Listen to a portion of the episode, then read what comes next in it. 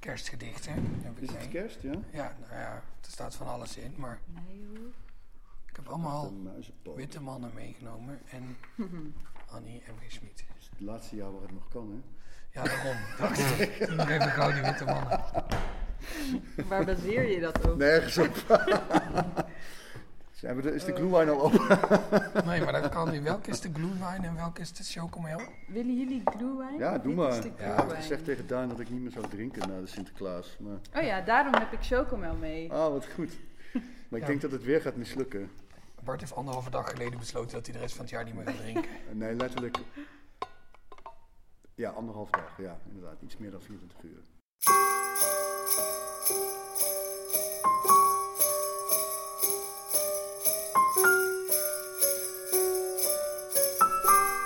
Lieve luisteraars, heel erg hartelijk welkom bij aflevering 86 van de Poëzie Podcast. Het is eh, stervenskoud buiten en er staat een grote mok glühwein voor me op tafel. En dat kan eigenlijk maar één ding betekenen. Het is weer tijd voor de kerstspecial. En eh, ik heb in het kader van mijn gezondheid besloten om eh, dat eh, dit jaar niet te doen al fietsend van plek naar plek. Maar om gewoon alle andere mensen het werk voor me te laten doen. En ze allemaal uit te nodigen bij Splendor. Ten slotte de thuishonk van deze podcast. Dus, dus daar zit ik met Marie van Sla en met Ferdi Carto. Welkom Ferdi. Ja, dankjewel. Wat leuk dat je er bent. Ja, leuk om hier te zijn. Hou je eigenlijk een beetje van kerst? Ik vind het wel gezellig, ja. Samenhorigheid en samen met de familie. Ja, En eh, wat vind je leuker, kerst of poëzie? poëzie. Toch wel? En wat maakt poëzie leuker dan kerst? Ehm, omdat je met kerst vaak toch wel te maken hebt met bepaalde verplichtingen en rituelen waarvan je denkt, ja, is het nodig? En bij poëzie heb je de vrijheid om eh, te doen wat je wil. Maar je hebt bij poëzie soms toch ook wel bepaalde verplichtingen. Zoals dat je, dat je niet te veel over rozen en zonsondergangen en meanderen schrijft. Ja, dat is waar.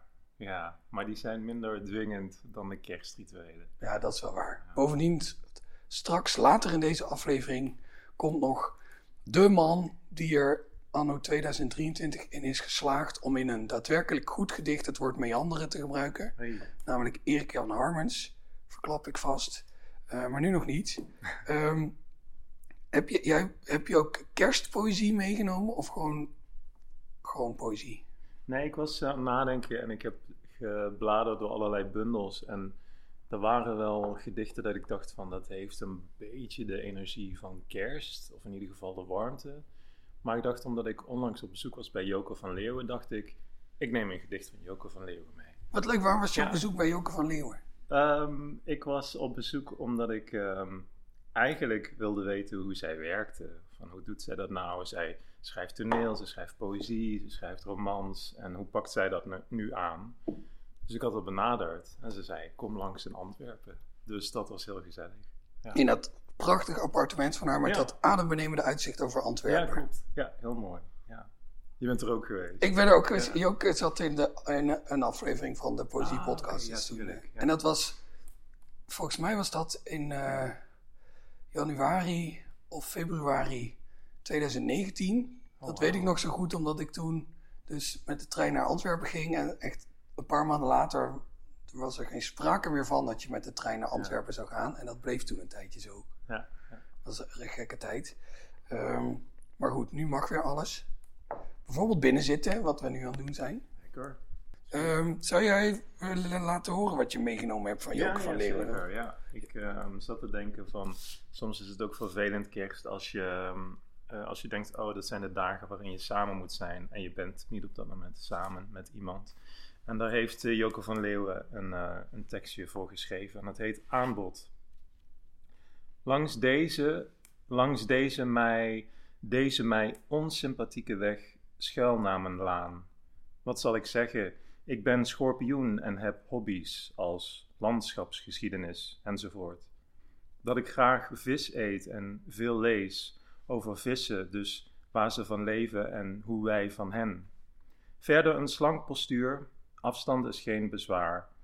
Afstand is tijd en die neem ik met iemand, met wijn erbij en open haard soms ook. En graag mooi weer. Jonger wel, jij dus, van hart, longen enzovoort. Ben zelf intussen al over veel heen. Dankjewel. Ik vind Joke van Leeuwen altijd zulke bemoedigende gedichten schrijven. Ja, Zij, zij schrijft niet vaak van die poëzie die ook heel mooi kan zijn, waardoor je denkt: Oh, de wereld. ja, Maar meer, ah, ik, nu kan ik er weer tegen. ja. Heb, heb jij dat ook? Of zeg je nou, ik weet niet waar, over welke Joke van Leeuwen jij het hebt? Nou, er zit wel soms een, een eh, het schuurt zeg maar ehm, op een bepaalde manier, maar die, dat is minder pijnlijk dan in andere gedichten. Dat klopt.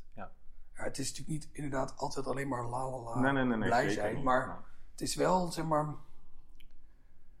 Ja, nee, ik wou zeggen poëzie met een happy end, maar dan doe ik het ook tekort. Ja, dan doe je het ook te Het, kort. het, maar wel montere poëzie misschien. Ja, er zit wel iets opwekkends in. In ieder geval vaak in de taal. Ja. Is, is dat ook meer in bredere zin de, de poëzie waar je van houdt? Of mag het van jou ook wel af en toe eh, in een diepe zwarte put kijken zijn? Ik denk als het donker, ehm, donkerder is of wat somberder, dan vind ik het wel gaaf als er gebruik wordt gemaakt van ja, oorspronkelijke, eh, ik weet niet, symboliek of, of eh, metaforen die, die echt heel, ja, die, die origineel zijn. Ja. Als het alleen maar huilen is en eh, oh, het leven is zo slecht, nee, dat, ja, daar kan ik niet zoveel mee.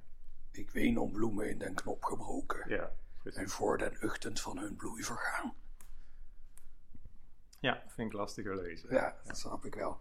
Ehm, en, en heeft het eh, bezoek aan Joke van Leeuwen je gebracht wat je ervan hoopte? Ehm, ik, ik had niet echt een, een verwachting. Ehm, ik was gewoon benieuwd, oprecht benieuwd van hoe pakt zij het aan. Maar het, het wonder gebeurde wel, want ik loop al, of ik liep al maanden met een toneelstuk in mijn hoofd en het wilde er maar niet uitkomen.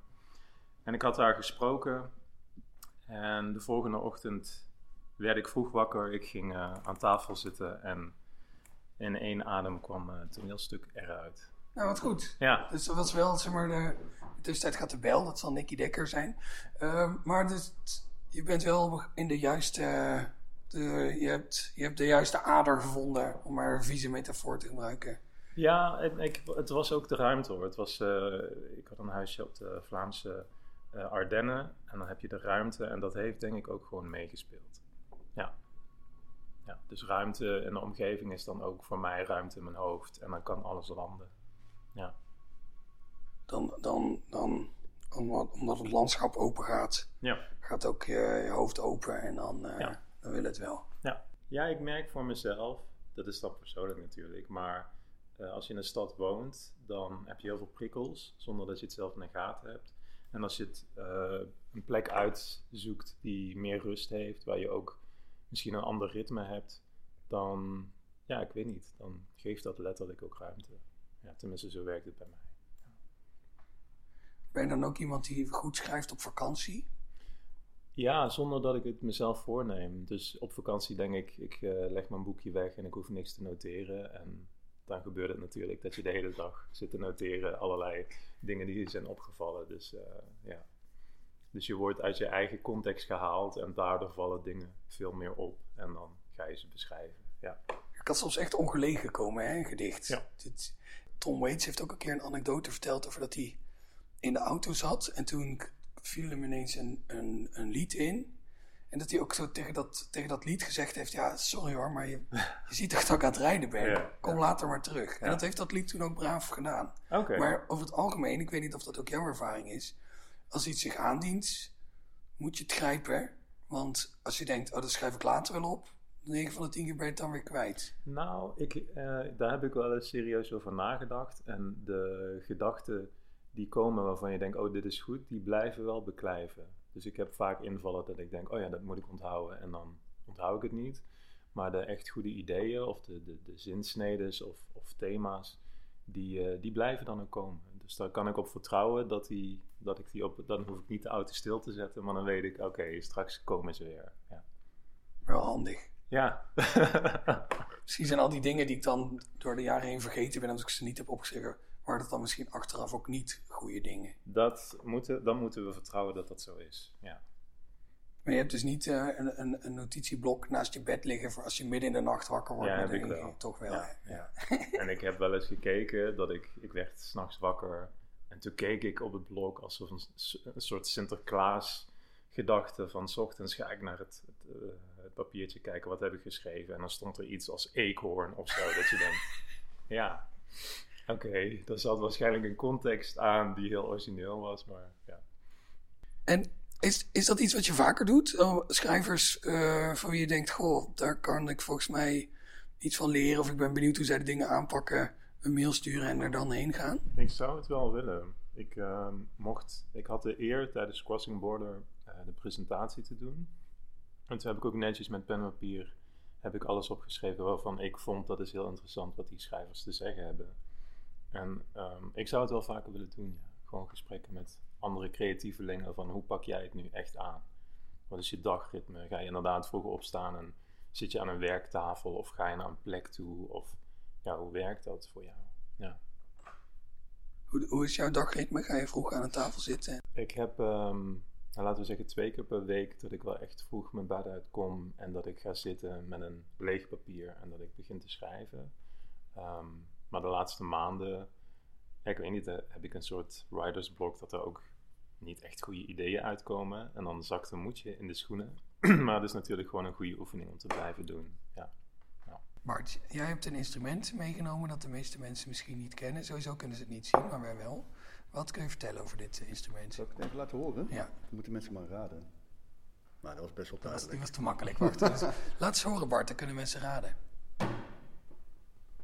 Als je weet wat voor instrument dit is, stuur dan een mail naar poëziepodcast.gmail.com en eh, wie weet win jij wel een halve blokfluit. Ik zie dat jij nog een gedicht hebt meegenomen. Is dat een gedicht van jezelf? Ehm, ja, ik heb ook een gedicht van, mez- van mezelf meegenomen. Mocht daar ruimte voor zijn. Ik dacht van, dan kan ik dat ook voorlezen. Ja, dit was wel een opmaat inderdaad naar jouw vraag of je dat dan ook wil eh, laten horen. Oké, dat wil ik wel. Ja, Eh, moet ik even kiezen welke van de twee het gaat worden. Ja. Het eh, woord. Waar kun je dat? Waar kun je dat vandaag de dag nog sparen? De vrouw omstrengelt het met lauwe vingers, vergaart zo een barcode die zonder scanner geen bestaansgrond heeft. Bij het afrekenen geruststelling.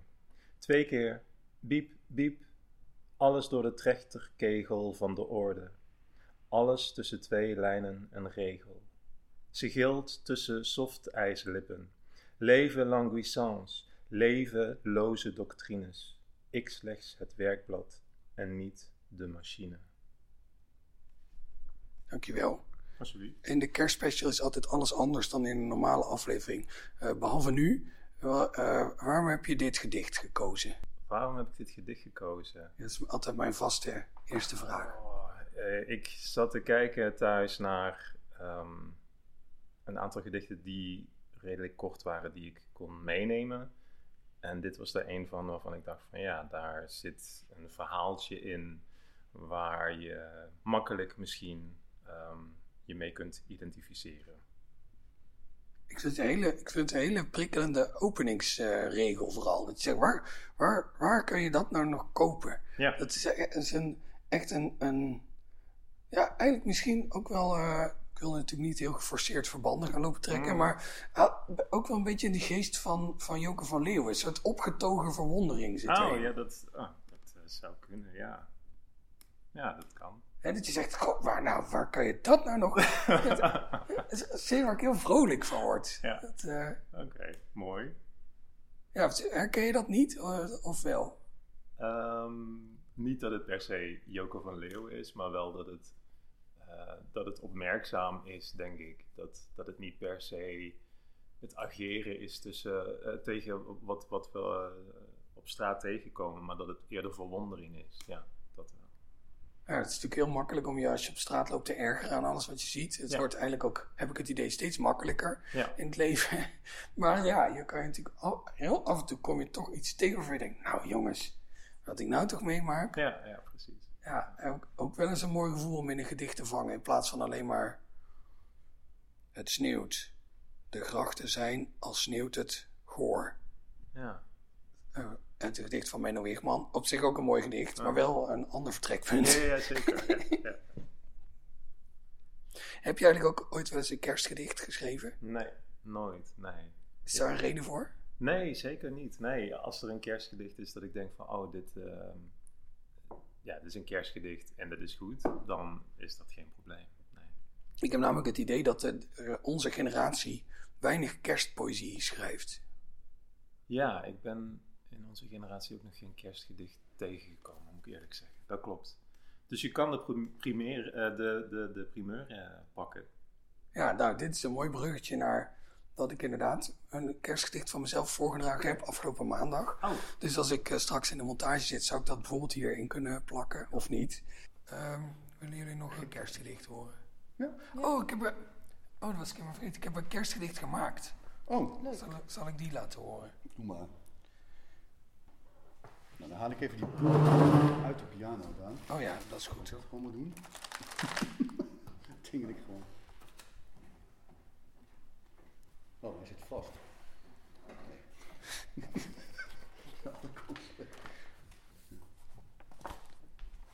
Dus jij gaat nu onironisch bij dit gedicht Ja, ik ga niet piano spelen. improviseren. Nee. Oké, het heet Kerstgedicht. In een gedicht kan je het zomaar kerst laten worden. Maar net als in het echte leven moet je er wel wat voor doen. De middenstanders in het gedicht spelen hier een belangrijke rol bij. Zij moeten hun winkels gezellig maken en daarbij de juiste liederen draaien, allemaal te vaak.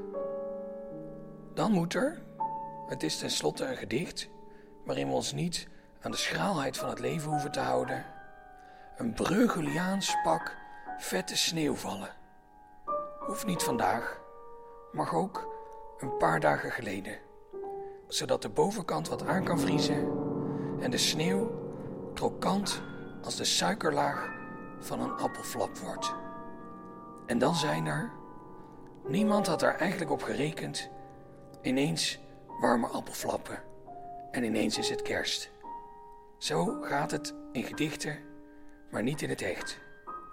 Eigenlijk zou kerst geen datum moeten zijn, maar een gevoel. Het is avond, je kijkt elkaar aan en je voelt verbaasd. Het was kerst, hier en vandaag.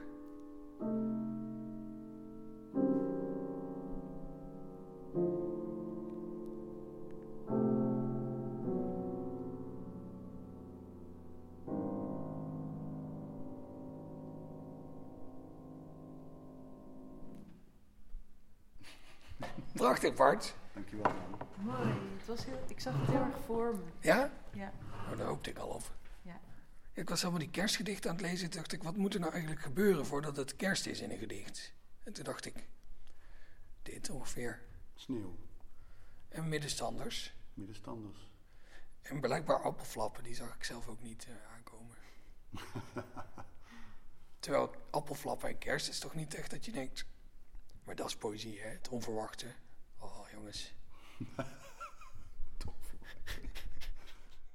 Eh, maar nee, dus ik, heb, ik dacht inderdaad...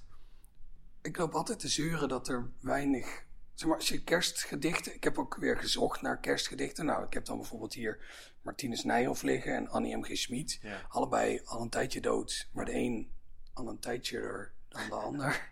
Maar ja, dat, je kan wel klagen dat er geen of weinig moderne kerstpoëzie is. Maar je kan er ook wat aan doen. Ja, klopt. Ja. Dus dat heb ik gedaan.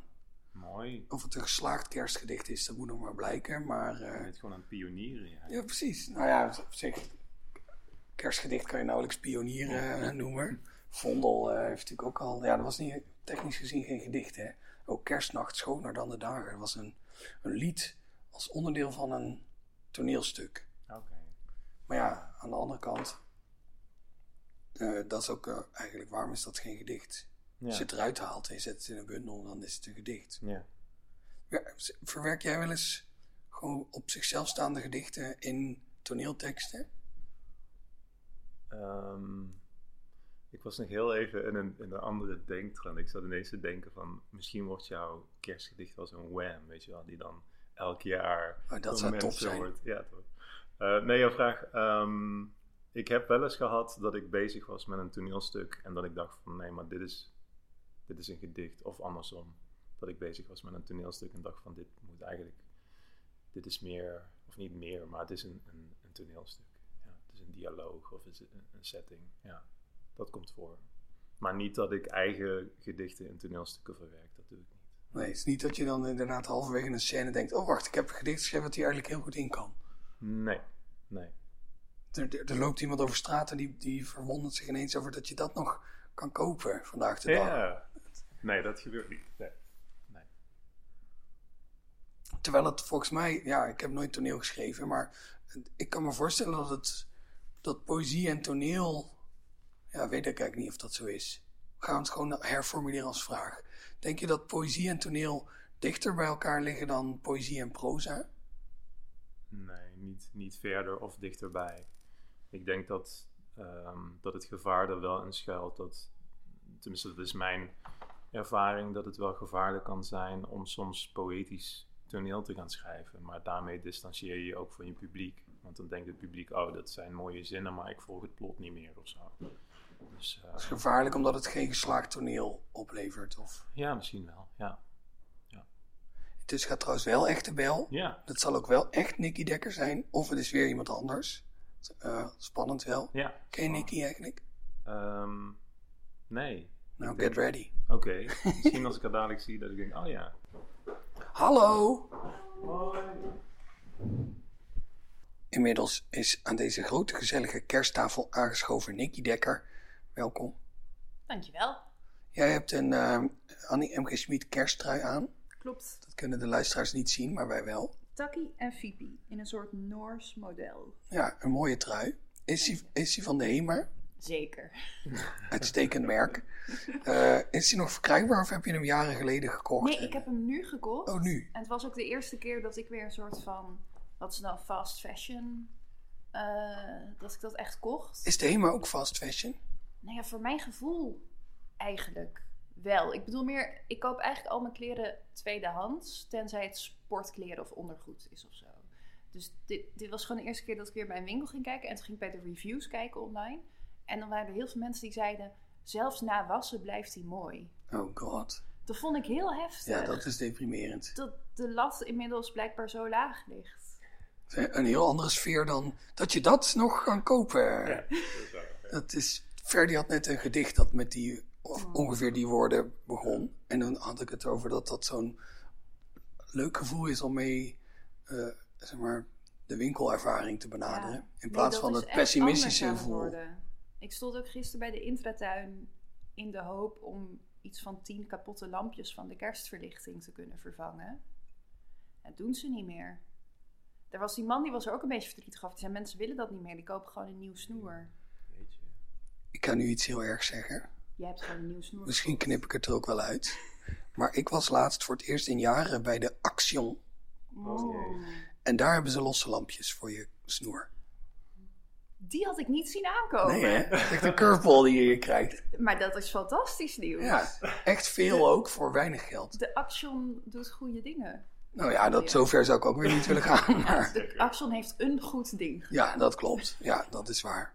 Ze hebben ook ker kerstballen die zogenaamd van echt glas zijn, maar die ik al twee keer heb laten vallen en niet stuk gaan. Dus ik ook verdacht. Ja, maar wel beter. Ja, oké. Ja, dat is waar. Ehm, om in de eh, eh, sfeer van eh, God, wat is Nederland leuk te blijven, eh, heb ik een gedicht van Annie M. G. Schmid. Geestelijk vader van jouw trui. Moeder, pardon. Ehm, als ik het kan vinden. Over kerst. Het heet December in de stad. En jij komt net uit een tram. Ja, Dus je, dit is voor jou. Voor je. en het is december. Ja, dat ook nog inderdaad. En we zijn in de stad. Dus ik neem aan dat ze die stad bedoelt. Eh, ja, ik denk het wel. Oké, dan gaan we. December in de stad. Er zat een wollen kindje in de tram met wollen voetjes op de bank te spelen. Hij had een prentenboek met drie kamelen. Kamelen in de sneeuw. Het was van hem. Grijze gedachten hingen om ons heen van al die grote mensen die er zaten. Men kon ze horen zonder dat ze praten. Armzalige gedachten in lijn 1. Die van de boer, uit Koog of Krommenie, die van de juffrouw met de rode handen en van de heer met veel te witte tanden en van de dame met de petit gris.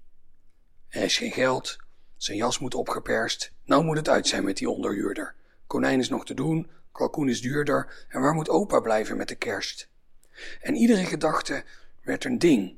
Er is geen geld, Amerika, de Russen. Ook mijn gedachten kringelden ertussen. Kamelen in de sneeuw, wat zonderling. Er kwam een halte op een schemerplein. Het kind werd als een handje meegenomen. Ik zag hem buiten gaan, onder de bomen. Ik zag hem lopen, dapper, wit en klein. De drie kamelen liepen voor hem uit en losten langzaam op tegen het duister. We reden weg. De tram was zonder luister en natte sneeuw vervaagde aan de ruit. Mooi. Dat is een lief gedicht, hè? Ja. Ik vind het ook zo mooi dat je... Vond ze toch maar mooi. Ja, absoluut. Nee, maar ik vind het zo mooi dat je in zo'n gedicht dan die, die drie kamelen uit dat boek kan laten komen. Ja. En dat het in ieder geval voor mij volstrekt overtuigend is. Ik weet ook op welk plein ze uitgestapt zijn. En of ik daar gelijk in heb, dat doet er niet toe. Maar, en dan zie ik daar dat kindje lopen en die kamelen. Dat is eigenlijk een soort ongrijpbare tovertruc die je met een gedicht uit kan halen, toch? Ja. Ja, sorry Daan. Daar heb je gewoon helemaal gelijk in. Ik heb daar verder niks op te zeggen. Ja, dan had ik stiekem gehoopt dat jullie daar nog iets op te zeggen hadden. Maar heb je het, is het- heb je het zelf ook... Nee, ja, ja, je hebt natuurlijk al heel lang geen gedichten meer geschreven, toch? Nee, ik ben een beetje dichter in rusten. Of dichter in in pauze. Ehm, Maar heb- is het, werkt het bij proza ook? Kan je dan ook die tovertruc uithalen? Vast wel. ja, je kan dat wel, maar het is dan meer een statement. Ik denk dat dat het vooral is dat dat bij poëzie het er nog een beetje tussenin kan hangen of zo. En het in het hoofd van de lezer allemaal gebeurt. Bij proza gebeurt het natuurlijk ook voor een groot deel in het hoofd van de lezer. Maar moet je als schrijver toch meer sturen? Dennis Gaan zegt ook altijd heel mooi van in proza moet gewoon ook wel eens iemand een deur dicht doen. Weet je wel, er zitten zinnen in die niet, ja, waarbij je bij poëzie zou zeggen dat moet weg. en in proza kan dat. En dan, maar dan wordt dus ook daardoor die overstap duidelijker of zo. Die kamelen die komen dan heel zichtbaar in beeld gelopen. Ik denk dat dat het verschil is.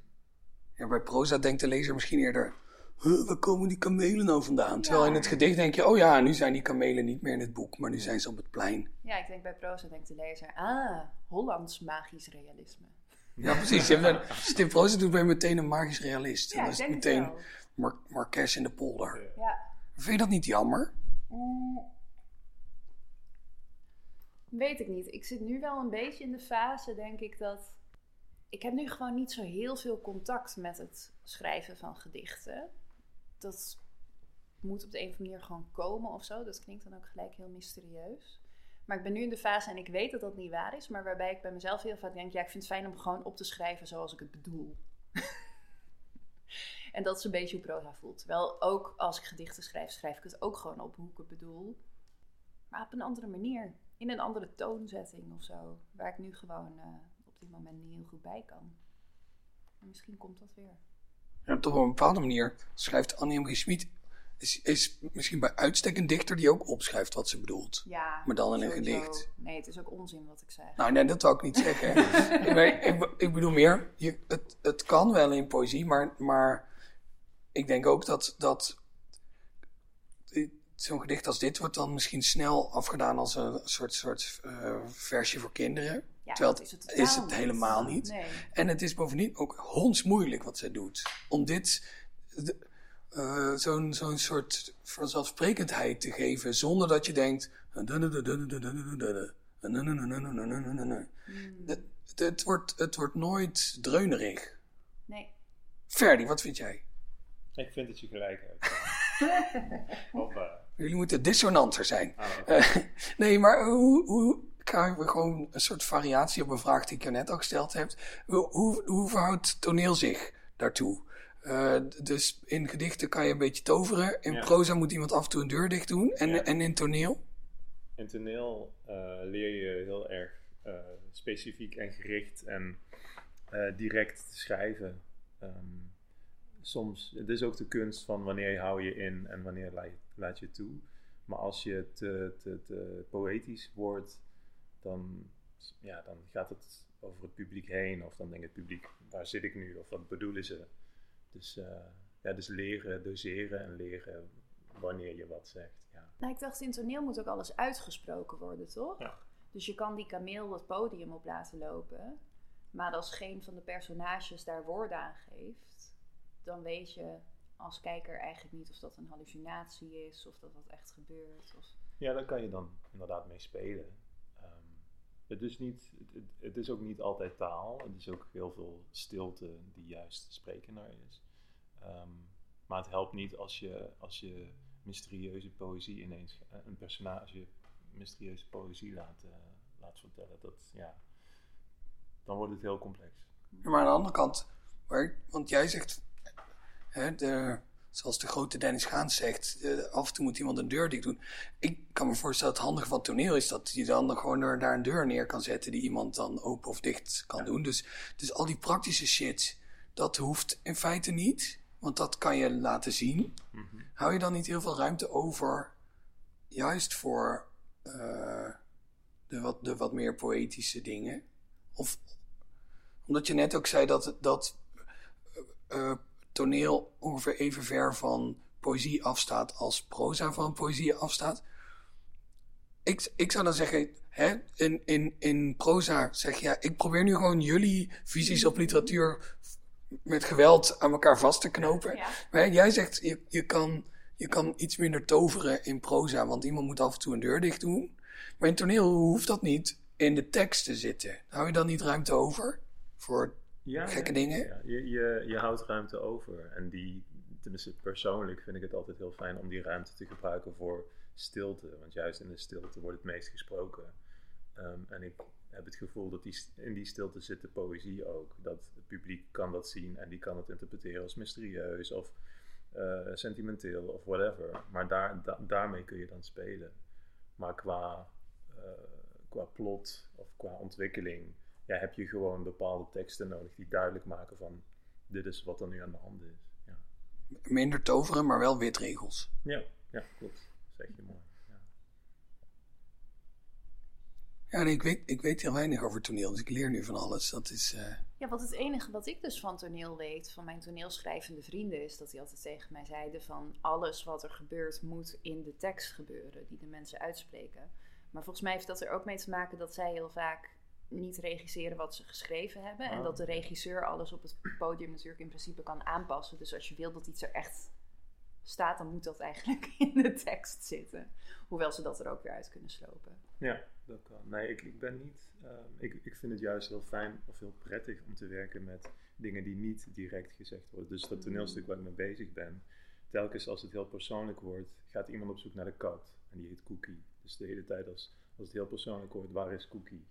En dat vind ik een mooie. Ja, daarmee zeg je eigenlijk ook heel veel. Totdat je, ja, je wil die persoonlijke confrontatie niet aan. Ja, Dus daarmee zeg je het eigenlijk niet. ja, maar, ja maar juist wel, zou ik Ja, zeggen. precies, er wordt dus in de tekst gezegd. Ja. Dat, ja.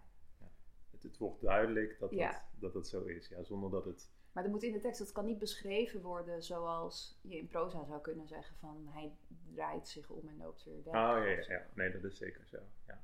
Op die manier ik. Er moet, moet altijd iets in de dialoog gebeuren en je wil inderdaad niet dat dat gewoon letterlijk... Precies. Nee, nee, ik. natuurlijk Ja, ja. niet. Nee. dat geen, er moet niemand op het podium staan die dan zegt, dit maakt mij toch zo kwaad. En anders gooi je gewoon een plens rum in die eh, Ja. chocolademelk als ze per se graag Ik dacht namelijk dat het concept was dat je heel veel ging drinken. Ah, Nee, geintje. Nou ja, heel veel. dat was het. Dat is het Oh, er zit wel een concept achter. Het, het, het gebrek aan concept is het concept. Ja, precies. Zal ik nog een kerstgedicht eh, Ja, lezen? is goed. Zal ik dan, eh, zal ik dan deze leuke belletjes erbij Ja, zetten? dat is goed. Wil je soldatenkerst of wil je iets van Leonard Nolens? Ik vaar helemaal op jouw expertise. Nou, die van Leonard Nolens weet ik eigenlijk niet meer hoe die gaat, dus laten we dan die doen. Laten we die maar doen dan.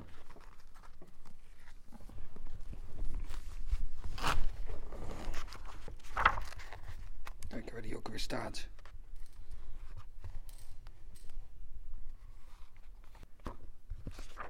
Oh, ik had er ook een touwtje tussen gedaan. Dat was veel sneller geweest.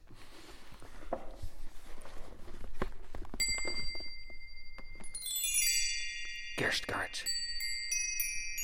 Kinderen zingen een kaarsrechte straat in de morgen. Ze spelen er leven en leggen ons huis in de zon. We kunnen er wonen, de ramen en deuren gaan open en drinken die klinkende leegte van Bergen op zondag. Er bengelen klokken, ze schudden een dorp uit de wolken en wekken ook vader en moeder die sliepen in mij. Ze gaan me te buiten en droegen me straks naar de mis. We zijn niet meer samen in Jezus en zingen geen kerk. Ach uren, laat duren. Ach vader en moeder, blijf dragen. En draag ook mijn zonen nu hoog in de lucht naar hun droom. Ze zijn nog zo klein en zo bloot pas geboren gebleven. Zo ver van de man die hen maakte en sloeg met zijn liefde. Dag David, dag jongen en dag Adriaan, ik ben hier. Ik zeg jullie hier mijn persoonlijkste straat in de morgen. We moeten daar lopen. De huizen gaan allemaal open als dozen op kerstmis in zeeën van sneeuw voor plezier. Nicky, je hebt een gedicht meegenomen. Ja. Eh, twee zelfs. Ja, ja. welke zal ik gaan doen? Ja, wel- welke, welke, eh, welke wil je het liefste nu doen? Ik denk dat ik Marie Klaus eerst doe. Oké. Ja. Eh, komt uit de bundel Hier Huizen Draken. En ik vond dit wel een beetje... Nou, ik ga het gewoon voorlezen en dan ben ik eigenlijk ook wel benieuwd of jullie de kerstgedachten erin zien. Het kan zijn dat je hierin moet knippen, want ik heb hem thuis wel geprobeerd één keer voor te lezen en toen maakte ik al een paar fouten. Mm. En dat is extra erg als je andermans gedicht voorleest, vind ik. Heb jij dat niet? Ja. Jij doet dit natuurlijk al heel lang. Ja, maar ik vind inderdaad, als ik, als ik een fout maak in mijn eigen gedicht. Ja, aan de ene kant denk ik, als ik een fout maak in mijn eigen gedicht. Ja, maar ik zou het toch van alle mensen moeten kunnen. Maar inderdaad, als je een fout maakt in een gedicht van een ander, dan. dan iemands gedicht voordragen is ook een vorm van eerbewijs. En dat Ja. moet je dan niet verklooien. Nee, precies. Nou, op die noot. Het heet Hoe? Zo. Als mensen me vragen waarom ik geen gordijnen heb, zeg ik omdat ik in de ideale wereld geen geheimen heb. En als ze dan zeggen, maar het is de ideale wereld niet, zeg ik dat één sukkel toch het goede voorbeeld moet geven. En als ze me dan meewarig aankijken en zeggen, succes, met zo'n fluim op een huig om me te laten voelen dat van alle naïviteiten zelfgekozen naïviteit de grootste zonde is, kutjes, de doodzonde. En als ze zeggen dat ik dan zeker ook een bord eten klaar heb staan voor iedere willekeurige zwerver die bij me aanspoelt, zeg ik dat ik die zwerver ben, of op zijn minst niet uitsluit, op zijn minst vrees, een gerechtvaardigde angst meen te hebben ooit die zwerver te worden. En als ze overgeven in hun mond en zeggen dan geloof je zeker ook in God, dan zeg ik dat ik in mijn goddelijke natuur geloof en trouwens ook in die van hen. En als ze dan menen te weten dat ik blind bevelen opvolg, zeg ik ja, ja, ja. Ik volg bevelen op. De bevelen van de slaap, de bevelen van de honger, de bevelen van de lust, die van de dieren en de planten, die ook niet hebben gevraagd om een leven met mij als moeder. Die van het koude meer, dat eist dat ik er naakt inspring. Maar niet blind, kutjes, nee, met mijn ogen open. Ogen en gordijnen open. Rak! Dankjewel. Ik had hem wel hoor, de kerstgedachte erin. Ja, toch? Ja. Ja. Een, een, een atypische Marie Klaus kerstgedachte. Want wat is de kerstgedachte volgens jou? Een, ik, ik las het als een, een, een pleidooi voor naïviteit en barmhartigheid. Ondanks alles wat rationele mensen daar tegenin kunnen brengen. Ja. Maar wel een agressieve, die rak aan het einde. Ja, ja, enorm agressief. De ogen en de gordijnen open, rak. Dat vind ik er heel top aan, want anders zou het snel weeg kunnen worden. Maar eh, ja, en ook dat soort van naar beneden trappende kutjes. Er, eh, dus het is een woedende naïviteit. Ja, wat echt wel een interessant gevoel is om te verkennen in een gedicht. En ook een niet alledaags gevoel. Ja. Ja, en dat bord met eten, hè, dat ze dan klaar zou zetten voor de zwerver die ze zelf is of eh, nog gaat worden.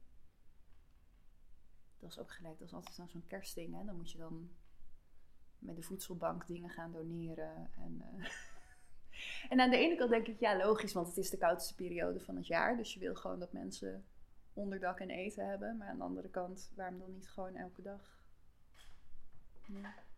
Maar, of ook, waarom allemaal tegelijk? Je zou beter kunnen zeggen, vandaag moet jij de kerstgedachten uitdragen. En eh, jij bent Oh, aan de ja. beurt op 21 juni. En jij bent aan de beurt op 6 september. En ik op... eh, en, want ja, als, als iedereen in dezelfde tijd van het jaar allemaal blikken ragout naar de voedselbank brengt... Ja, dan, daar hebben we dan ook breng gewoon één keer per jaar een blik ragout. Of, of een blik ananas, maakt niet uit. Ik breng gewoon één keer per jaar iets naar de voedselbank. Ja, vanuit de kerstgedachte. Ja. En niet blikvoer. Nou, ik vind eh, ragout uit blik heb ik wel hele warme herinneringen aan. Ja. hoor. Ja, het is dat ik, ik, weet- ik eet geen vlees, dus ik weet het niet. Ik Maar je vast ook vegetarische blik ragout of niet? Maar die is dan Ik natuurlijk meteen niet. weer niet te beuken. Ja, en waarschijnlijk ook niet. Nee. eh, nee. nee, ik zie dat niet helemaal voor me. Hoewel misschien van, van die, eh, hoe heet dat nou? Die vrucht die zo draderig is. Jackfruit. Jackfruit, daar maken ze nu alles van. Dat zie ik inderdaad nog wel voor me. Ja, Maar dat het meer spreiden met z'n allen. Dat, hè, waarvan, het is allemaal de kerstgedachte. Mhm. Die voelen we dan allemaal op 25 december stipt. Maar de, de handeling die daaruit moet volgen, die smeren we iets meer uit over het jaar. Zodat de mensen bij de voedselbank er ook nog wat aan hebben. ik zou het nog wel verder willen, willen strekken. Ik denk dat we de kerstgedachte eigenlijk door het hele jaar door kunnen hebben. En dat we bijvoorbeeld, als wij iets krijgen, dat we dan altijd een deel daarvan afstaan aan een hogere instantie die ons allemaal vertegenwoordigt, De overheid. bijvoorbeeld. Onder leiding van. En die dan eh, zorgt dat er überhaupt geen mensen zijn zonder huis. Dat zou het zijn, hè? Dat zou toch top zijn? Ja. Als we zoiets hadden als een overheid. Die Ja, dat dat soort zou ik ook lijden wel kon leuk vinden. voorkomen. Ja. Nee, en ik denk dat dat uiteindelijk mijn, mijn grote eh, frustratie altijd is met, met die cultus van vrijgevigheid rondom kerst. De, de, de luxe inderdaad en dat, het, het massale van dat iedereen dat dan gaat doen. Maar ook dat, eh, ja, dat individuele, kijk mij, kijk mij eens vrijgevig zijn. Terwijl je de rest van het jaar ja, zo min mogelijk belasting probeert te betalen.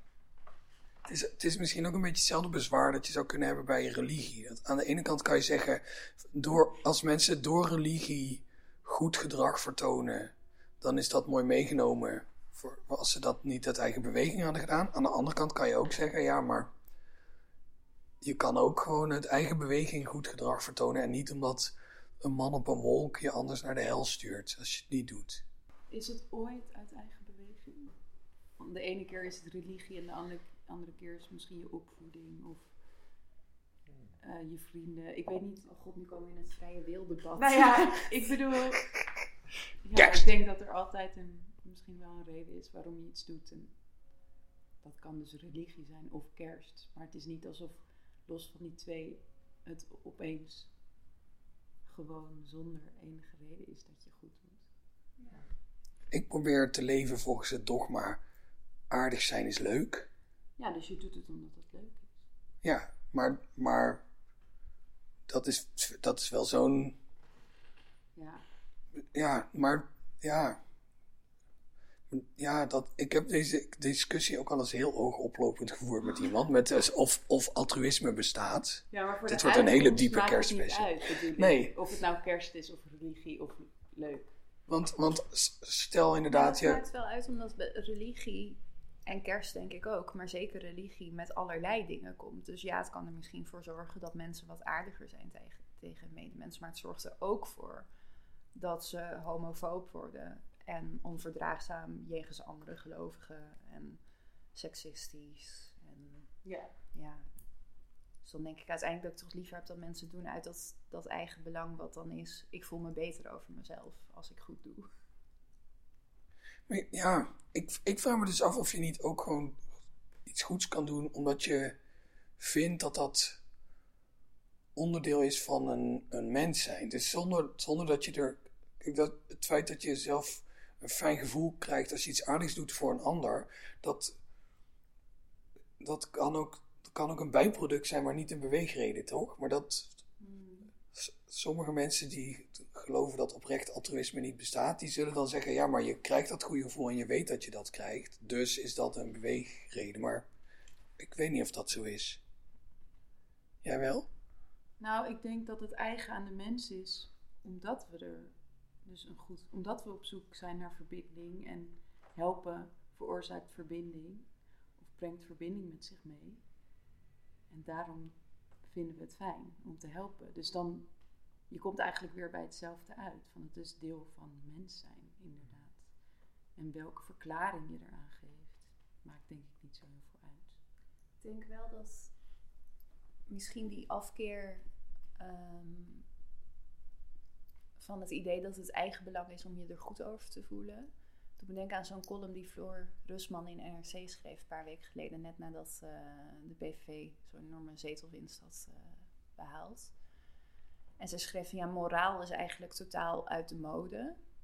En ook dat het soms moeilijk is om het moreel juiste te doen. Dus ze zei van ja, links pakt het ook niet handig aan, want die doet dan alsof het prima is om niet meer te gaan vliegen. Of alsof, eh, nou ja, veganistische ragout net zo lekker is als vleesragout. Terwijl zij zegt van nee, je moet gewoon daar eerlijk over zijn en zeggen, nou, het is misschien minder lekker, maar het is wel beter om te doen. Of het is misschien minder leuk. Maar dat dat, dat dat idee zo uit de mode is gegaan, dat ook heel veel mensen, als ze dus inderdaad dan zeg een vegetariër of zo aan het kerstdiner tegenkomen, dat dat dan gelijk is, oh jij denkt dat je beter bent dan ik. Dat is de enige reden waarom je dit doet, om je beter over jezelf te voelen. Terwijl dat natuurlijk niet, dat is niet, dat is volgens mij wat jij zegt, van het is een bijvangst, maar het is niet die end goal. Je doet geen dingen om je beter over jezelf te voelen. Je doet ze omdat ze in lijn liggen met je eigen morele kader van de wereld. Ja, en er zit nog een stap tussen, namelijk beter, om beter te voelen over jezelf ten opzichte van een ander. Terwijl je Hmm. volgens mij ook na kan streven om je beter te voelen over jezelf. En wat een ander doet of niet doet, moet hij zelf Ja, weten. precies, ten opzichte van wie je gisteren was. Ja, Dus je denkt, vandaag was ik toch iets geduldiger op het fietspad. Ja, en iemand anders was dat misschien niet, maar dat, ja, Ja, whatever. De- niet, niet aardiger zijn is leuk, maar aardig zijn is leuk. Gewoon aardig zijn is leuk. Op zichzelf, voor jezelf. Ja, en wat, en als een ander dan. eh, Kijk, aardig zijn is ook leuk als iemand anders niet aardig terug doet. Wel minder leuk. Toch? Als ik, als ik iemand. weet ik niet of ik het daarmee eens ben. Nee? Doe eens een voorbeeld. Ik probeer het me voor te stellen. Want ik vind het meestal eigenlijk heel pijnlijk als ik aardig doe en dan mensen doen gemeen terug. Nou, bijvoorbeeld in het verkeer. Stel je, je, je laat iemand voorgaan op, het, op, een, op een zebrapad. Zou, eigenlijk zou dat gewoon normaal moeten zijn in plaats van aardig. Maar Ja, dit is zo Amsterdam. ja, maar daar zijn we nu. Eh, ik bedoel, ja, ik, ik gebruik zebrapaden ook alsof dat normaal is. Ik loop gewoon de weg op. Ja. Op het moment dat iemand dan zegt, ja, eh, dit is ook een zebrapad. Terwijl je iemand voorliet, dan is het toch niet minder leuk dat je dacht, hé, hey, hier is een zebrapad. En een voetganger, die laat ik voorgaan. Ik denk dat je wel op een ander perspectief, vanuit een ander perspectief kun je het bekijken en denken, oh wat een grappige reactie. Of misschien heeft hij een pestdag. Dat kan. Ja. Ja. Ja. Intussen komt Erik-Jan Harmens binnen. Hallo. En ehm, dat is een mooie gelegenheid om deze recorder weer even uit te zetten, zodat Erik-Jan niet meteen in een opname binnenkomt. Dat moet ik niet doen. Waarom maak je eigenlijk een kerstpodcast? Waarom? Ja. Ja, ik vind k- kerst leuk. En het is weer die tijd van het jaar. Ja, Ehm, da- daarom eigenlijk. ja, een goede reden. Vond ik ook. Ik had dit jaar wel voor het eerst zelf zin ook om mensen uit te nodigen. Dus om er wel iets van te gaan maken zelf. Ga je dat nu ook doen? Er komen ook mensen. Wat goed. Nou, je hebt, je hebt ze uitgenodigd. Ja, ze hebben ja gezegd. Oh ja, dus dan kan je er op zich wel komen. van uitgaan dat ze komen inderdaad. Maar ik denk toch altijd eerst zien dan geloven bij Ja, visite. dat heb ik ook. Maar ik vind het ook helemaal niet erg als ze niet komen. Nee, ook lekker precies. rustig. Maar Dat is het ideale. Maar je gaat wel koken. Ja, ze. En wat, als we mogen vragen? nou, ik heb kinderen die willen heel traditioneel een kalkoen. En ik eet geen vlees, wel vis. Dus ik denk dat ik een kalkoen en wat vis ga maken. En dan groente erbij. En dan vraag ik de mensen die dus misschien wel, misschien niet komen, ook om wat mee te nemen. En, willen je kinderen elk jaar een kalkoen of wordt dit een experiment voor jou? Is voor het eerst. Het is wel spannend, hè? Zo. Ik heb het ook Ja. wel eens gedaan. Het valt ook wel weer mee Waar koop je zoiets? bij de poedier. Denk je dat ze dat willen omdat ze dat zien in films Geen of zo? idee hoe ze weten dat er een kalkoen bij Ja. hoort. Want ja, ik ben zelf wel daar een beetje mee opgegroeid. Mijn moeder maakte dat wel met kerst. Maar ik heb dat nooit gedaan voor mijn kinderen. Dus ik, ik vind dat ook wel bijzonder. Of dat dan uit films, ik denk uit films. Ja. Ik kan niet zeggen, ik denk niet dat het uit boeken komt. Nee. Of het is genetisch. Of uit gedichten. ja, het Maar is het slaat de generatie over. Dat dan. zou ook nog kunnen. ja, ken jij een gedicht met eh, een kalkoen erin? Oeh, dat is een goede vraag. Ik denk Eh, niet hè, dat het nee. uit de literatuur komt. Ik denk dat het zo'n plaatje is uit, uit films. Ja, ik denk het ook. Nou, ja, wel uit kinderboeken met plaatjes misschien ook. En in eh, Portrait of the Artist as a Young Man van Joyce zit een hele mooie scène over een kalkoen. Daar hebben ze het uit. Dat moet het zijn. Ze staan op en gaan naar bed met Joyce, toch? Ja hoor, ja, zoiets. huishouden dat jij bestuurt. Nee, Ja. zitten, dan, dan zitten ze aan tafel kalkoen te eten met kerst en dan hebben ze, dan hebben ze daar ruzie over. En dan vertelt eh, de oom van de eh, hoofdpersoon, wiens naam ik even vergeten ben, omdat ik dat gewoon altijd onthouden heb als James Joyce. Ehm, die vertelt dan dat het, dat het startstukje van die kalkoen, dat is het lekkerste stukje van de kalkoen en dat dat eh, in de Ierse kringen eh, de Pope's Nose genoemd wordt. Zo. Ja, dat het zo'n exquise stukje zit dat het net de neus van de paus is. En daar denk ik eigenlijk altijd aan als ik een, als ik een kalkoen braad. Dat zeg ik nu alsof ik dat wekelijks doe, maar ga dat ik is, daar ook aan denken. Ja, ja dat ga is ik daar nu ook aan denken. die, de dit poot. is een soort self-fulfilling prophecy. Ja, de Pope's Nose is echt, ja, jij eet geen vlees, dus ik kan Nee, het je niet het, eh, aanraden. het maar... wangetje, ze zeggen altijd het wangetje van de vis is het allerlekkerst. Maar Ja, dat ja. vind ik zo verschrikkelijk. Oh, ja? Dat je dan dat wangetje ook nog moet gaan opeten. Nou, van een forel is wel een heel lekker stukje forel hoor, het wangetje. Ja. Ik geloof het ook wel. Maar, Maar heb je het nooit geprobeerd? nee. Nee, nee. En stel iemand zou, eh, als jij even de kamer uit bent, de wangetjes verwijderen en ze dan op je bord leggen zodat je ze dan op kan eten, zou je dan bereid zijn om het te proberen? Nee, zodra ik het weet, dan Oh, ja. gaat het niet meer. En als iemand zegt, oh, ik vind hier nog een heel lekker stukje Dan vis. zou ik het misschien wel gaan eten. Oké. Ja. En luistert je familie naar de Poëziepodcast? Want dan hebben ze hier echt een gouden plan in handen nu. Je geen antwoord op zal te maar ja zeggen.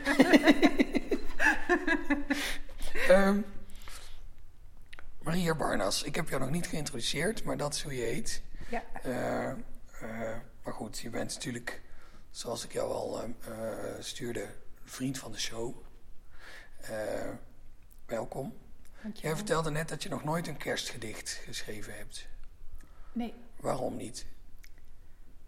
nou nooit de aanleiding toegevoeld, maar ook, ja.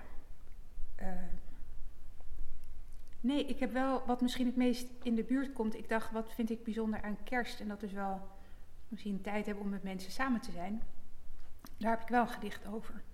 Maar kerst, nee, ik geloof niet dat dat echt een rol speelt in mijn, ja, moet ik nou zeggen, verbeelding of dat wat ik wil verbeelden of ik geloof niet dat het zo'n rol speelt in mijn leven, als ik eerlijk ben. Jou wel, hè? Misschien. Ontzettend. Nee, ik heb dus, ik heb, ik heb wel een, een kerstgedicht gemaakt. Voor het eerst. Oh, laatst. Speciaal voor deze podcast. Nou, niet helemaal. eh, maar het was misschien wel door deze podcast dat ik over nadenken was. Dat ik dacht, goh, ik vind het altijd heel leuk als mensen kerstgedicht gemaakt hebben. Maar ik heb het idee dat niet meer zoveel gedaan wordt eigenlijk. dat zou best wel een beetje ouderwets, eigenlijk, kerst, Dat je kerstpoëzie. daar gelijk in hebt. Maar je zei net dat je dus wel een gedicht had geschreven over samen zijn met mensen die je aardig vinden. Dat klonk als een opmaat naar dat je dat gedicht ook meegenomen hebt en het graag voor wil lezen. Heb ik dat goed aangevoeld? Ja, dat heb je helemaal goed aangevoeld. En ik had goed aangevoeld dat ik een gedicht mee moest nemen. Want Ja. Dat had je helemaal niet gevraagd. Nee, maar ik, ik vermoed wel dat je oprecht dit jaar de enige bent. Maar in ieder geval, die, nee, aan wie ik het vergeten ben te oh, ja. vragen. ja, nee, misschien ligt het ook wel voor de hand. Toch? Ja, in een poëzie Dat dacht ik inderdaad altijd, maar dat was vorig jaar zeer van teruggekomen. Eh, in ieder geval, jij hebt een gedicht. Wil je er nog iets? Nou, je hebt er al iets over gezegd, namelijk waar het over gaat. ik zou gewoon Eh, mijn mond houden nu. Nee hoor, ga maar door met vragen. Maar Ehm, Oh ja, nee, maar ik dacht omdat je dat gedicht voor ging eh, lezen nu. Ja, ik ga het gedicht voorlezen. Het is voor het eerst dat ik het hardop voor ga lezen, dus dat is wel een beetje spannend. Het is in eh, drie talen geschreven. En het kan dus wel zijn dat ik wat ga struikelen Knip weer over de woorden. Het is geschreven voor Alexandra en Eleonora. En dit is dan nog even buiten het gedicht, eh, met wie ik in Berlijn was. The forest, wild along the Gleis, where we might find a cave to hide in, showered us in Schatten, in Alexandra's triangular garden, where the grund is too fest to plant potatoes. Op witte stoelen, marmer van bouwstof, we rested our night feet, matschig van zeezand, om de ingeklonken stad. Hoeveel levens stutten ons, das Wasser voller blij, je kunt het roeig drinken. Een wassende maan lingert zilver. Silben sprokkelend under stars I did not recognize, we found our familiars. Ich würde euch missen. Fair fluorescent trains fleeing through the black forest down below, like Sätze other people speak, projected takken, vertakkende Möglichkeiten on the blind wall, blinking. Ik zie hier dat Thomas Koenraads, dat is de eindredacteur van de gids, iets heeft verwijderd. Oh. maar dat is, dat is mij verder niet opgevallen. Dat staat dan zo in de kantlijn. oh ja, maar, maar niet wat. Misschien een dubbele spatie. Zoiets misschien. Iets onopvallends. Ja. En we, in de vorige aflevering van de Poëziepodcast had ik Nisrine en Barky te gast. En die zei dat, dat meertalige poëzie de toekomst van de poëzie is. Ben je het daarmee eens? Ik denk wel dat dat een heel spannend gebied is, waar echt nu vernieuwing van te verwachten valt. Zo voel ik dat wel en zie ik ook. Dat zie ik ook gebeuren. Ik had met Mia Yu samen het laatste nummer van de gids samengesteld. En ehm, ik merkte alleen, er is alleen al iets geks wat er gebeurt als je op het moment dat je in een, eh, bij een tijdschrift als de gids voorstelt iets te doen met een andere taal dan het Nederlands. Hoe de helft van de redactie eh, denkt help, nee. En de andere helft, behalve ik, denkt eh, moi, misschien. Maar eh, dat er heel veel weerstand is. En dat er een groot misverstand dan meteen opgehelderd moet worden. Maar, of ja, hoe moet ik dit nou zeggen? Ehm, eh, veel mensen denken dan meteen dat alles in het Engels moet. Maar dat is niet eh, wat ik bedoel als, als ik denk aan wat er kan gebeuren als je alle talen die wij inmiddels in ons hoofd hebben, zou kunnen toe gaan laten in wat je schrijft. Wat eigenlijk gewoon een heel erg, misschien één op één weergave is van hoe mensen denken en spreken. En ehm, dan valt er opeens van allerlei spannends eh, nieuws te doen en te overdenken. Het is eigenlijk heel raar hoe strak die Nederlandse literatuur zich alleen maar op dat Nederlands en dat moet beschermd worden. En dat begrijp ik ook wel. Ik ben het ook een beetje beter gaan begrijpen door dat nummer te gaan maken. Mia Yu, de dichter die je waarschijnlijk wel kent, die maakt er echt haar onderzoek van. Een postdoc-onderzoek naar translingual poetics. En eh, vanuit Amerika, waar zij is opgeleid, daar is het heel normaal. En echt heel, eh, ook wel hip en eh, happening. Hier in Nederland stuit het op heel veel weerstand. Maar dat, we kwamen dus ook tot de misschien wel voor de hand liggende conclusie dat translingual poetics in elk taalgebied iets anders betekent. In een klein taalgebied kan het eh, spannender zijn, omdat er gewoon de angst is dat het Nederlands verdwijnt. Vooral bij mensen die op de universiteit werken en ook een boek hebben gemaakt dat Against English eh, heet. Grappig genoeg wel met een Engelse titel. Ja. Eh, ja, en, maar dat hebben we geprobeerd ook te schrijven in de inleiding. En het gaat er niet om om het Nederlands opzij te gooien en het door het Engels laten overspoelen. Maar gewoon simpelweg te kijken, welke talen zijn hier allemaal aanwezig? Sta daarvoor open. Eh, en dat niet alleen, wees blij met al die verschillende taalgebieden die hier in Nederland zijn. En, en, en daag mensen ook uit, nodig ze uit om daarmee aan de slag te gaan. En ga dan niet zitten denken, oh, dit is niet eh, volmaakt, ehm, wat is het, eh, de parallel voor Queen's English in eh, Nederlands. als het dat niet helemaal is, nou, dan kan het zeker niks zijn. Dat, die houding, die, die, ja, die gaat niks nieuws brengen. Dat, dat is wel duidelijk, denk ik. Jonge mensen spreken toch al de helft van de tijd Engels. Ook als ze Nederlands spreken met elkaar. Ja, En ik, daar had ik het met Nisrien ook over. Juist op de universiteit leer je dat eh, je veranderingen in de taal die door gebruikers geïnitieerd worden, toch niet tegen kan houden. Hoe, hoeveel eh eh, eredoctoraten je ook hebt. ja, want een levende taal moet juist bewegen, toch? Moet juist meebewegen, ja. Ja, En als er En op straat hier- meertalig wordt gesproken, Turks, moet dat... Het Marokkaans. We hebben zoveel talen die, die... Nou, je kan niet echt zeggen dat die vaak eh, gepubliceerd worden. Of, of dat daar rekening mee wordt gehouden. Niet op scholen, niet in, bij uitgeverijen. Dus daar is wel echt eh, wat, wat nog te doen. En het is ook heel spannend. Ik denk ook dat je kan zien... Ik bedoel, ik wil nou niet zeggen dat die gids die wij nu hebben gemaakt... dat daar... Trouwens, Babel heeft ook... eh, dat was het nummer van Terras, volgens mij, de afgelopen Terras-aflevering. Die hebben ook een meertalig... eh, nummer gemaakt. Dat je wel ziet, kijk, soms, soms eh, is het misschien gewoon een beetje spielerij. Soms is het, levert het echt, echt iets op. En eh, ja, ik ben het wel eens met Nisrien. Ja, ik Ja. ben heel benieuwd wat het. eh, wat- ik denk ook dat het allemaal hele spannende dingen op kan leveren. En eh, ja, soms kan je dan even iets niet lezen. Nou ja, dan, dan kan je dat accepteren. Of, Of je kan op gaan zoeken wat het betekent. Dat- Ja, Zij vertelde ook dat ze dan wel eens mails kreeg van lezers die zeiden: Ja, ik vind je gedichten zo mooi, maar ik kan de helft niet lezen. Dat vind ik zo jammer. En dat ze die mensen dan een woordenlijst stuurt. oh ja, Ja, dat vond ik echt, eh, om het maar eens in eh, goed futuristisch Nederlands te zeggen, above and beyond eh, van haar. ja, mooi. Ik, eh, ik had Pools gebruikt in mijn laatste dichtbundel. Maar ik heb niet, ik denk dan van ja, zoek het maar op. eh. Ja, als je het zo mooi vindt, kan je er ook wel een beetje moeite voor doen. Dat. En ik, volgens mij is het ook zo dat ik. Nou, ik heb in ieder geval wel geprobeerd dat je het vanuit de context zou kunnen begrijpen. En ik heb het ook juist ingezet op momenten waarbij ik ook de lezer een beetje weg wilde duwen. Dus je kunt het ook juist inzetten om even een. eh, ja, hermetisch is dan denk ik niet het goede woord, maar om wel om te zeggen tot hier en niet verder. En ook te laten zien wat het is om niet automatisch maar alles altijd te begrijpen. Dus juist die rol van de buitenstaander even terug te geven. Eh, ja. Weet je, misschien ook zoals, heeft Umberto Eco dat niet gedaan aan het begin van eh, de slinger van Foucault? Heeft hij een, een motto in het Hebreeuws? Oh. Maar dat heeft hij dan ondersteboven of in spiegelbeeld afgedrukt. Ook met het idee, oh, dan ga ik, dan ga ik hier een soort eh, muur van intellectuele afstand optrekken. Maar voor de goede verstaander, die ziet ook dat ik het eigenlijk helemaal niet meen. Ja, je, kan Ja, het bewust inzetten om inderdaad afstand te, Het te geeft in ieder creëren. geval een ander effect. En dat zou niet mogelijk zijn, alleen, alleen maar in het Nederlands. Ja. Dus een voorbeeld.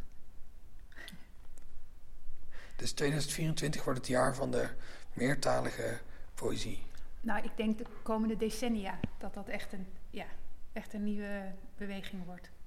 I- het is ook al aan de gang. Ja, ik bedoel misschien meer dat dit dan het jaar wordt waar mensen er niet meer omheen kunnen. En dat Ja. bijvoorbeeld de, de Volkskrant er misschien een artikel over schrijft. en eh, het- Thierry Baudet er boos over wordt of zo. Dat, dat jaar. Ja. Ja. We hadden de, als hoofdspreker eh, voor de gidslezing, zij gaf de gidslezing, Domi Choi, Zuid-Koreaanse dichteres, die op voordracht van Mia Yu was gekomen. Die, woont nu tijdelijk in Berlijn, dus vandaar dat ze bij ons kon komen, normaal zit ze in New York. En die schrijft in het Engels, maar dat is niet haar moedertaal. En ze eh, kan ook andere, dus haar eigen, haar moedertaal ertussen doorweven. En zij ervaart dat, dat Amerikaans Engels als eh, van het leger, dat eh, Zuid-Korea ook in zijn greep heeft. En eh, dat is dus nooit ehm, onbeladen of niet beladen. Even denken aan Paul Celan, die in het Duits schreef. Voor hem was dat natuurlijk ook ja, de taal van de mensen die zijn familie heeft uitgemoord. Maar hij schreef wel in het Duits. En dan heb je natuurlijk. Dus het is ook niet dat het nieuw is, denk ik. Het eh, willen werken in of met andere talen of tussen andere talen. Ik denk wel dat dat. eh, dat heeft Mia ook heel mooi verwoord. Het tussentalige. Dus niet zozeer het meertalige, maar het tussentalige. Dat dat wel als term ook eh, en als, als gedachte nieuw is. Om dat dus niet te denken van, oh ik schrijf en in deze taal en in die taal, maar ik ga kijken wat gebeurt er tussen die talen en hoe kan ik dat, dat ja, tot een nieuw, nieuw materiaal maken om in te werken. Ja, dus dat die talen niet, niet alleen maar naast elkaar staan, maar ook echt in elkaar grijpen en, en er eigenlijk een soort nieuwe taal ontstaat. Ja. Nu al zin in 2024 op het poëziegebied. Ja. Ja, zeker. Als je, het gekke was toen, toen wij die inleiding aan het schrijven waren, toen wij vonden al dat het, dat het eh, politiek eh, geladen is om, om te zeggen van je moet niet alleen maar in één taal denken, om, omdat dat ik gericht is als, als volk en nationalistisch. Maar na de verkiezingen werd het gewoon heel emotioneel om die inleiding voor te lezen. En eh, iedereen had in zijn achterhoofd dat Nederland moet weer voor de Nederlanders zijn. En ook, hoe noemde Wilders dat? De, de, taal van het volk. En ja, nee, daartegenover kun je, kun je dus iets heel anders zetten, gelukkig. Ja, en alle talen meenemen die, die hier zijn. Ja. ja, wat dat betreft had het meertalige nummer van de gids niet op een beter moment kunnen komen. Klopt. Ja. Nou ja, niet, ik denk niet dat Wilders de gids leest. Dat zou me inderdaad zeer verbazen. Misschien kunnen we er eentje opsturen. Ja, dat kan je doen inderdaad. Ja. Hij heeft een kattenbak, dus uh, het komt in ieder geval goed terecht. Dat, uh, dat kun, ja. Niet dat ik het eens ben met dat gebruik van de gids, maar ik kan me zo voorstellen dat dat is wat nou Geert ja. Wilders ja. Waarom niet? Ja. Ik heb nog wel een gedicht misschien. Uh, het is een gedicht dat ik heb geschreven voor een project met iemand die ik hier bij het programma uh, zag hangen. Nou ben ik van de zenuwen zijn voornaam vergeten, maar zijn achternaam is Bulsink. Wilbert. Ja, Wilbert. Ken jij hem? Uh, ja, die is, dat is een van de Splendor muzici inderdaad. Ja. Ik heb Wilbert een keer virtuoos om, om drie uur s'nachts of zo in zijn eentje op een piano um, in zijn geheel uh, Paranoid Android van Radiohead zien spelen. Dat wow. was echt geweldig. Dat lijkt me heel mooi. Wij moesten iets samen maken. En uh, toen spraken we elkaar ergens en toen liet hij het woord uh, fernorkester vallen. En uh, dat blijkt een stukje van het orkest te zijn dat in een grote muziekzaal de verte moet oproepen. Dus een trompet in de coulissen of nou, iets anders kan ik even niet bedenken. en het leek mij zo mooi om dat fernorkester een keer in het centrum te zetten. Zodat je vervolgens als publiek niet weet waar je bent. Want dan ben jij misplaatst of verplaatst of zo. Nou, dat vond Wilbert een goed idee. Ik heb een gedicht gemaakt en hij zou dat op muziek gaan zetten en dat heeft hij ook gedaan. En toen hebben we contact verloren. Ik heb het nooit gehoord. maar hij zegt dat hij het heeft opgevoerd en dat Misschien heeft iemand het gehoord. Uh, maar ik kan wel het gedicht voorlezen. Nou, bij deze ook een oproep dan aan onze luisteraars. Ben jij of ken jij Wilbert? Neem dan even contact op. Ik weet zeker dat Bart hem kent en ik zelf dus ook. Maar uh, nee, dit komt goed. Dit... Iemand zei van, oh, hoe kom je toch aan die, aan die rare beelden? Maar dit is gewoon, het begin is gewoon wat ik heb gehoord. Als ik fiets ochtends vaak door de polder op weg naar de trein uh, naar Amsterdam. En dan hoor je bepaalde dingen. Dus dat is het, de opening eigenlijk. Het krijsen van een kind snijdt door de bleke hemel met de spanwijte van een roofvogel die bidt. In een spiedend oog slaan wij lange schaduwen uit over het land. Ontbreekt het ons aan klanken om het op te vangen, of bedoelen we soms het kind? Vanwaar de neiging wat rauw is te bedaren? Laat het krijzen vieren wat de wijd is om te dragen. Krijs maar, ik ga omdat ik ga. Ik ging van huis omdat het te laat was om thuis te komen. Ik ging om niet te horen dat ik niet meer welkom was. Ik ging omdat ik er geen meer had. Ik ging van huis om het hoofd dat elk uur een muur om Europa herhaalt zonder een vuist door het scherm te slaan. Kan er iemand in huilen uitbarsten? Ik ging omdat ik ging. En duurt het krijzen voort Zolang wij elkaar niet tegenkomen, kunnen we klanken horen van wie in aantocht zijn. En wat als zij eerder zijn dan wij? En wat als we op elkaar lijken? We kunnen tussen het naderen en ver laten gaan bestaan. Er zijn stemmen die op verte lijken of zou het diepte zijn. Ze vormen een meer waarin je kunt zwemmen tussen rimpelende melodieën die zich in kringen uitbreiden waar jij je vleugels uitslaat.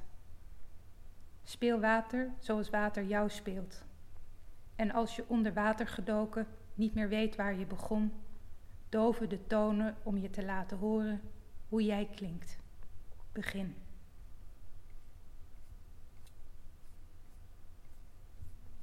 Einde. Je was nog aan het scrollen. Ik dacht, die gaat naar de volgende pagina. Ik verwacht nu een heel lang gedicht. Het had nog door kunnen gaan. Dat klopt wel. Het had nog door kunnen gaan. Dat doet mij denken aan, aan de vorige keer. Toen wij op de Nacht van de Poëzie eh, elkaar spraken. En jij er ter plekke achter kwam dat ze de helft van je gedicht niet af hadden gedrukt in de nacht. Ja. Maar dankjewel, ik vond het een mooi gedicht. Dankjewel. En eh, ja, nu ben ik heel benieuwd wat Wilbert erbij gemaakt heeft. Maar dat is dus voor, voorlopig nog even... Ik ben ook bang dat zoiets dan live gebeurt en dat het niet is opgenomen. En dat het gewoon een Ja, Bernorkester geworden is. ja, dat is eigenlijk ook wel misschien wel weer toepasselijk. Maar Ja. dan was het toch wel leuk geweest als jij het ook een keer gehoord had. Ja, ik moet er wel bij zeggen, ik was wel uitgenodigd, want er waren een paar, paar eh, keer dat ik zou kunnen, toen kon ik niet. Dus het ligt ook wel echt aan mij. Maar ja, Maar ze hebben toen ook niet even... Althans, als ze het toen even opgenomen hebben, hebben ze het je niet opgestuurd. Dus Nee. dat is ook alweer... ja. Wat ga jij doen met kerst? eh, naar mijn ouders.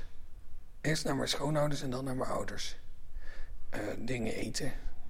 En mijn, en mijn broer, die heeft op tweede kerstdag kerstconcert met de plaatselijke harmonie.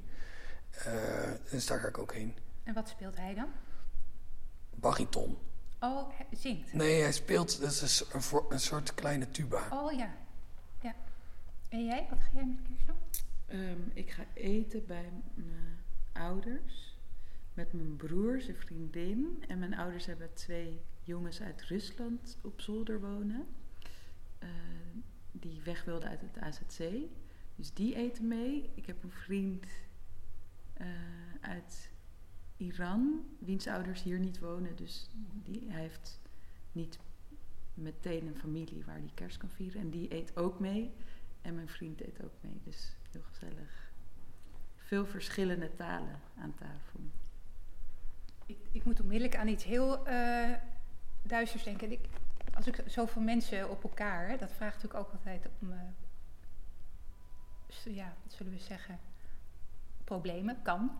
In Engeland is het een gegeven dat met de kerst de meeste moorden Ja, gebeuren. ook, ook meeste zelfmoorden. Ook dat? Ja, Ja. ja. Ik denk dat het gezellig gaat worden hoor, bij, bij mijn ouders thuis. Ik, ik hoop het wel voor jullie. Hoeveel mensen heb jij uitgenodigd? Ja, ook veel te veel. Oh, ik heb wel zo'n gevoel hoe meer. eh, ik vind Hoe het meer altijd. ja, ja, en ook hoe meer mensen van buiten de familie. Dat vind ik ook eigenlijk altijd gezelliger dan alleen de familie zelf. Ja, Ja. heel verstandig. Dan ga je je toch juist beter gedragen. Dus Ja. juist minder snel ruzie. Eigenlijk, zo ervaar ik dat. Ja. Het kan alleen maar gezellig worden eigenlijk. ja. En ik vroeg me af, eh, spreek jij ook Pools? Nee. Dus als jij in het Pools schrijft, dan, dan zoek je dat op, Ja. die vertaling. Voor mijn eh, laatste bundel wilde ik eigenlijk naar Polen gaan. Toen werd dat gedwarsboomd door COVID en de maatregelen. Maar ik dacht, laat ik beginnen met Pools te gaan leren. En dat was echt een hele praktische overweging. Dat ik dan in de archieven beter zou kunnen zoeken. En toen kwam ik erachter dat ik eigenlijk toch nog best wel wat wist. Gewoon van eh, ja, wat mijn oma vroeger verteld had. Ehm, maar ik heb, ben gewoon op Duolingo begonnen met Pools leren. Ja. En dat heeft de, de structuur van hoe je een taal leert, heeft eigenlijk geholpen ook mijn bundel te structureren. Omdat het begint, eh, ik weet niet of dat met elke taalkursus is, maar in Polen is eten heel belangrijk. Begon met eten. en dan wordt het eh, eh, reizen en eh, nou ja, dit gaat van soort van thema naar thema. En via elk thema kwamen er bij mij natuurlijk ook weer andere herinneringen naar boven over mijn oma en Ehm, ook over wat ik niet wist. Dus niet zozeer herinneringen, maar meer vragen. En dus dat hielp mij. Dus ik heb eigenlijk geprobeerd Pools te leren terwijl ik dat boek schreef. Als een, en later pas had ik door dat het, ook een, dat het ook wel emotioneel geladen was. Ook al leeft mijn oma niet meer. Dat ik plotseling dingen in haar taal tegen haar kon zeggen. Ja. Kan ik me voorstellen. Er werd een soort toenadering via de taal. Ja. Weet je, ik moet er opeens aan denken. Dat is heel gek, hè? Want we hadden het toch eerst erover dat, eh, dat je mensen dan een woordenlijstje moet sturen. Ja. Maar mensen zijn mij gaan schrijven over wat ik heb gebruikt als woorden en wat het allemaal betekent. Dat vond ik ook wel heel mooi. En toen bleek bijvoorbeeld dat ik een woord voor baksel, en ik dacht dat dat iets heel bijzonders was. Dat woord is smazonka. Dat heb ik in stukjes gehakt in mijn gedicht, smazonka. Omdat ik eh, het wilde hebben over, nou weet ik eigenlijk niet meer precies, maar in, in fragmenten, uit fragmenten bestaan. En ik dacht, ik ga dat woord ook ook, ook zoals je een gerecht kunt snijden of zo. En toen bleek tot mijn grote verrassing zma iets te betekenen, zon en k. Bleek afzonderlijk ook echt iets anders te betekenen in het Pools. En ook nog iets wat, wat klopt binnen dit gedicht. En namelijk iets als vrouw, breuk en iets pijn of zoiets. Echt ongelooflijk. Dat vind ik ook interessant dat vrouw, breuk en pijn samen in een samen weer Ja, een woord wat, wat gerecht betekent. Nu heb ik, eh, pijn heb ik nu net erbij Oh. verzonnen. ik moest, maar ik kan het, ja, het is nu, kan ik het niet opzoeken. Ik ben wel benieuwd. Ja. Ik ook. ik onthoud het. ja. Nou, het is ook leuk, dan kunnen mensen het zelf eh, ook opzoeken. Ja, ik kan het ook opzoeken. Het is, een soort, het is ook een soort vakantiedoeboek, deze eh, aflevering. Nou, inderdaad, een soort raadsel van de, Ja. van de week dan of zo. Maar Ja, allemaal oproepen. En zo. Mensen mochten net al raden welk instrument Bart had meegenomen. Dus dat is voor jou overduidelijk, maar de luisteraars kunnen dat niet zien. Ehm, dat instrument dat hij net... eh, een ja, beetje dat hij hier achtergelaten heeft. Ja. Ehm, dus, eh, nee, ja, het is ook allemaal heel interactief, maar wel heel eenzijdig. Wij hoeven niet met mensen te praten, maar mensen kunnen wel dingen doen op basis van wat wij allemaal zeggen. Ehm, over dingen doen eh, gesproken. Ik, eh, ik wil je heel hartelijk bedanken voor dit gesprek. Heel graag gedaan. En ehm, Vrolijk kerstfeest. insgelijks. Bart, wil jij een kerstgedicht horen? Of wil je een kerstgedicht voordragen? Nee, ik kan helemaal niet voordragen. Oh. Het zijn ook hele lange gedichten. Ja, maar de- ik heb eens gezocht. Wacht, ik zal. Hier, dit is een heel, dit is een heel, vind ik zelf een heel mooi gedicht. Nee, maar dit is van Pater Jacques Scheurs. Oh, maar ik kan wel meespelen. Daan. Oh ja, dat is goed. ik mij improviseren? Ja, improviseer jij mee. Het is een heel kort gedicht. Dat is heel leuk, want ik, kan helemaal, ik ben geen pianist. Nee. Oh nee, dat heb ik al gezegd. Nu heb ik het antwoord gegeven. Oh ja, het is een vleugel. Het is geen... eh, Had je het antwoord goed? Wie weet hoor je dan binnenkort van ons.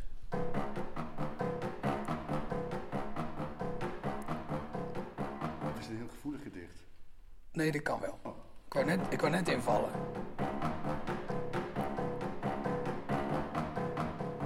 Liefde is dronken, zegt de wind. Want heel de nacht heeft zij haar lied doen schallen. En zingend is zij uit het gebind der sterren in het stro gevallen. En slaapt met alle maten en getallen hier in haar armen als een kind. De liefde is dronken, zegt de wind. En engelen dwalen om de stallen. Nou, alsof we dit al jaren doen. Een stukje Bart. Even een stukje Bart. Net even naar een stukje Bart geluisterd. En nu is aangeschoven Erik Jan Harmens. Welkom, Erik Jan. Dankjewel. Luisteraars met een eh, korte geheugenspannen kennen jou nog van een paar afleveringen geleden. En nu ben je hier. Nadat je net vertelde je, als ik dat mag verklappen, voor jouw podcast de, de hoofdvertaler van de DSM hebt geïnterviewd. Ja. Mij een vreselijk interessante vertaalklus lijkt. Ja, zeker. Die qua fijnheid van de stofkam waarmee je dit moet doen, misschien wel verwant is aan poëzie vertalen. Hebben jullie het daar ook over gehad? Eh, nee, daar niet over. Maar de DSM is trouwens wel dan het handboek voor psychiatrische... puntje, puntje, puntje. Psychiatrische aandoeningen. Psychische aandoeningen. Ik vind het altijd zo moeilijk met taal om... Weet je wel? Eh, want dat gesprek ging over autisme. Maar autisme is ook een woord. Autisme. ah, weet je wel, dat is ook weer een ding. alles. Eh, psychose, eh, het zijn allemaal van die woorden, weet je wel. Ehm, maar dat, eh, daar hebben we eigenlijk niet zo... We hebben vooral over de inhoud gepraat. Dus Oh, ja. over, over ehm, ja, hoe, hoe je autisme-diagnose stelt. Want dat doet hij eigenlijk. En dat is dus eigenlijk een soort triage, weet je wel. Dat je bepaalt van wie heeft het wel en wie heeft het niet. En hij is daar op zich vrij eh, open over dat het allemaal niet zo zwart-wit is natuurlijk. Maar die doelgroep heeft wel behoefte aan wel of niet. Als je tegen de, mm, iemand met een autistisch brein zegt je hebt het een beetje, dan stuur je hem het bos in. Dus hij wil toch weten, van, heb ik het wel of heb heb ik het niet? Snap je? Ja, en die labels veranderen natuurlijk ook tegen. Ja, Want een paar jaar geleden kon je nog PDD-NOS hebben, maar Ja. nu bestaat dat nee, niet dat meer. bestaat nu niet meer. Maar PDD-NOS was ook niks. Dus, dus, Nee. dus iets wat niks was, bestaat niet meer. Maar alle mensen die PDD-NOS hadden, die bestaan wel nog. dus, Ja, precies. tenminste, niet allemaal natuurlijk, maar overwegend. eh, Ja, nee, dat klopt. Ja, maar PDD-NOS was gewoon overigen. Dus nu eh, zitten we allemaal in het spectrum. Oh ja. Maar dat is ook heel verwarrend, want dan zit dus iedereen in dezelfde vijver, zeg maar. Eh, dus ja, dus, eh daar kom je niet helemaal uit. Het is het politieke spectrum. Je zit, je zit Ja. in hetzelfde bootje als, als mensen die extreem rechts zijn, maar dan aan de andere kant van het bootje heb je nog niks aan. hè? Nee. Ik weet niet, ik, vind- het voelt voor mij niet als heel eh, inzichtelijk dat ik in een spectrum... Want ik heb dan wel een autisme-diagnose, maar heb, dan zit ik dus nu in een spectrum. En dan denk ik, ja, dan, dan, alsof je zo, weet je wel... Dus, je, je- Ja, wat zegt dat? Zegt dat eigenlijk, weet je wel? Dus, eh, maar goed, ik vind het wel heel interessant om met deskundigen erover te praten. Om te vragen van hoe kijken zij daar tegenaan. En zij, hij vond het ook wel leuk, want hij leert dus heel veel van gesprekken met autisten. Maar, ja. En hoe heet je podcast? Nou, het is eigenlijk een podcast die hoort bij een boek wat van mij gaat verschijnen volgend jaar. Eh, en de podcast zelf, ja, daar ben ik nog een beetje over aan het vogelen, wat dan de titel daarvan wordt. Dus En het boek? Heeft dat dan een titel? Nee, ik heb er vijf mogelijkheden, maar ik noem het gewoon eh, als werktitel het grote autismeboek. Het Want grote ik- autisme. Ik, heb geleerd dat als je iets groot noemt, heeft het vanzelf substantie. Ja, En je kan, eh, dat werkt. als ik het, want dus ik doe ook binnenkort over morgen, als mensen dit luisteren, morgen doe ik een, een programma in Pakhuis de Zwijger over autisme. En dat heet de grote autisme talkshow.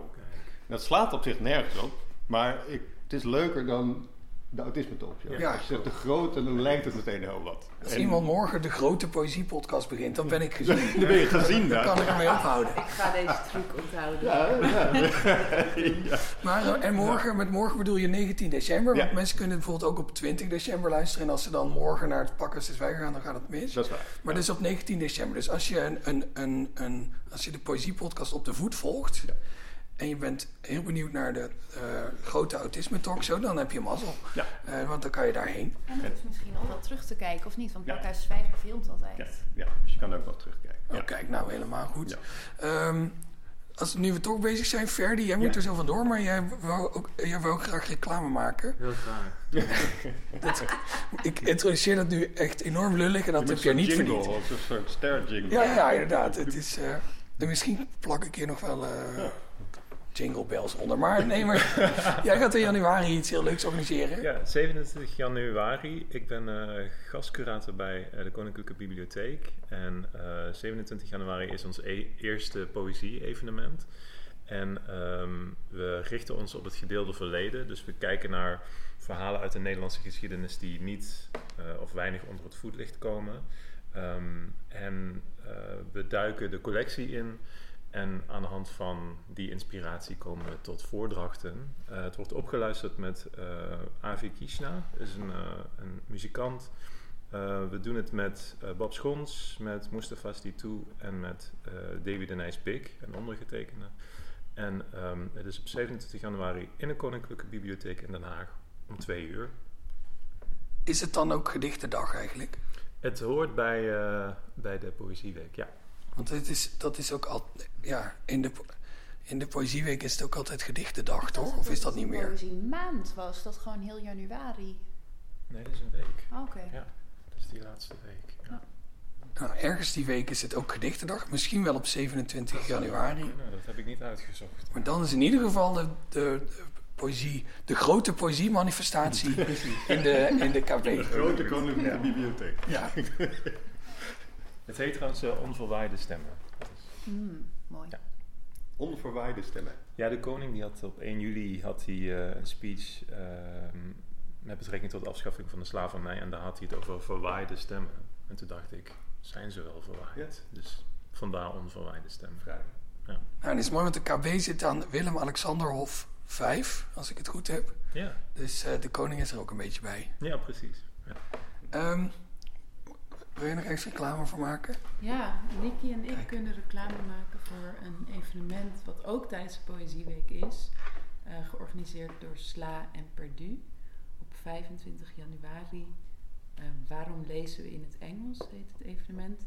Het gaat over De grote vraag, waarom lezen we in het Engels? Ja, precies. Waarom niet? Eh, ja, over waarom we in het Engels lezen, maar waarom het ook belangrijk is om Engelse literatuur in het Nederlands te kunnen lezen. Eh, het gaat over vertalen en over meertaligheid binnen poëzie. Dus eigenlijk ook waar Maria het over had. Dus, ja. En Nicky is de gast. Ja. Dus dat, eh, Ja, is veel zin in. Ik had afgelopen zomer een stuk voor de Groene Amsterdammer geschreven over, eh, nou, met ook die titel volgens mij, waarom lezen we in het Engels? Eh, ook naar aanleiding van alle jongeren die dan nu alleen maar in het Engels zouden willen lezen. Ik zag ook lezers van mijn boek op Instagram voorbij komen, dan jonge lezers die mij tagden en die dan zeiden, dit is het eerste boek dat ik in het Nederlands heb gelezen en het viel me alleszins mee. Ik dacht, er gaat, er gaat hier echt iets mis. er is echt iets heel bijzonders aan de hand waarbij, eh, ja, waarbij mensen toch echt denken dat Engels cool is en Nederlands niet. En ik herinner me nog dat ik dat ook dacht. Eh, dus toen ben ik daar een heel essay over gaan schrijven van waarom dacht ik dat toen en wat is er veranderd en waarom denk ik dat nu niet. Wel goed dat het meeviel, want ze hadden ook nog kunnen zeggen... dit is het eerste boek dat ik las in het Nederlands. Ik ga het nooit meer doen. Ik bedoel, ik ben sowieso altijd. Mensen vinden dat een beetje psychopathisch van mij, maar ik volg mijn eigen Goodreads reviews op de voet. Ik vind dat mateloos interessant. Ook als mensen het heel slecht vinden, om dan te kijken wat ze allemaal nog meer lezen. En dan een beetje te denken van, oh ja, nee, dat snap ik wel inderdaad. Als je dat heel mooi vindt, dan vind je mijn boek niks. Als je de Eh. alchemist van Paulo Coelho ziet staan, dan denk je... oh, dan. Precies, maar zo zag ik laatst ook iemand en die, die zei alleen één ster. En die zei, ga alsjeblieft in therapie. En dat, dat, dat vond ik toch heftig. Vond ik toch een heftige recensie. Ja, erg onvriendelijk. Een, een slecht boek te betekenen als je in therapie moet. Nee. En dat is natuurlijk sowieso heel erg met de Goodreads recensies. Dat alles enorm autobiografisch wordt gezien. Eh, maar ja, er was er ook eentje die zei... Ja, ja, ik snap het wel, je bent een waterman. En die ik dan weer enorm waarderen.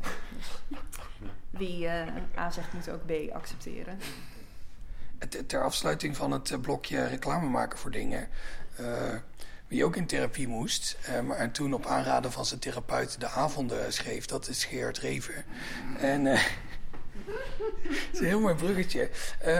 En en eh, ehm, eh, Jentel van Stockholm en Josien Wijkhuis hebben een hele mooie podcast gemaakt over de avonden. Die ook eh, ergens later deze week, als je dit luistert, als de podcast meteen uitkomt.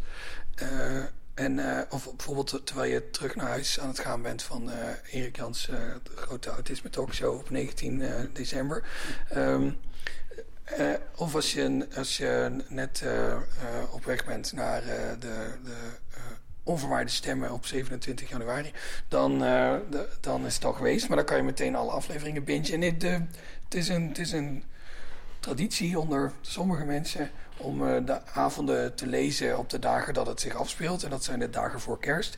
En als je dat gedaan hebt, dan kan je luisteren naar mensen die dat hoofdstuk ook gelezen hebben in de podcast. Als je het niet gelezen hebt. Ook als je het niet gelezen- ook jawel. leuk om te luisteren. Ja, dat zou kunnen. Denk ik wel. Ja, want, eh, en dus Nicky, zei- Nicky en ik zijn te gast. Ja. Eh, hoofdstuk 3 en hoofdstuk 4. Ja. Eh, ik zal niet verklappen wie van ons hoofdstuk 3 doet en wie van ons hoofdstuk 4. Want Dat gaan we nog een beetje spannend aan. Hoe heet die podcast eigenlijk? Tien dagen reven. Oh, kijk, dat wist ik dus al niet. Dat vind ik top. tien dagen reven, inderdaad. Ehm, en hij eindigt op oudejaarsavond. Nieuwjaarsdag is het toch? Nieuwjaarsdag. Of oudjaarsavond. Ja, ik vind dat ook altijd heel verwarrend. Het boek eindigt op oudjaarsavond, maar eigenlijk ook nieuwjaarsnacht. Maar dus ik vermoed dat de eerste aflevering op 20 december online komt. Vraag mij geen dingen met data. Misschien, als het niet zo is, dan staat in de... Wat zei je? Of 21. Ja. Nou, in, lees in de beschrijving bij deze aflevering 22. 22. Ergens deze week. Ergens deze week komt die podcast uit. En eh ehm Nicky is even aan het tellen op haar vingers. 22. 22. Ehm, in de omschrijving van deze aflevering staat wanneer de eerste aflevering verschijnt van 10 dagen review. Je kan het ook gewoon in de zoekbalk van Spotify intikken elke dag totdat het er is. Ehm, goed, nu weer eh, Naar de poëzie. naar de poëzie. Jij hebt een gedicht van Herman de Koning meegenomen. Ja, want ik dacht, ik kan niet alleen... Ja, zo duister was het misschien niet, maar ik vond het toch een beetje te duister. Ik dacht, ik wil ook gewoon een gezellig kerstig gedicht. Maar eigenlijk is het een sneeuwgedicht. Ja, Sneeuwstorm. Van Herman de Koning. Ik heb foto gemaakt en meegenomen, want ik heb het verzameld werk van Herman de Koning. Waarom heb ik het verzameld werk van Herman de Koning? Omdat ik een verschrikkelijke nerd was. En voor mijn leeslijst op de middelbare school hoefde maar één dichtbundel op. En dan zei ik, dan doe ik die 600 bladzijden. Verzameld werk van Herman de Koning. Als er tieners luisteren, ik kan dat enorm aanraden, want je hebt bij voorbaat dan al een tien. Eigenlijk dat mondeling ging helemaal nergens meer over. Die docent was onder de indruk van dat ik dat hele boek had gelezen, dat het gewoon klaar was.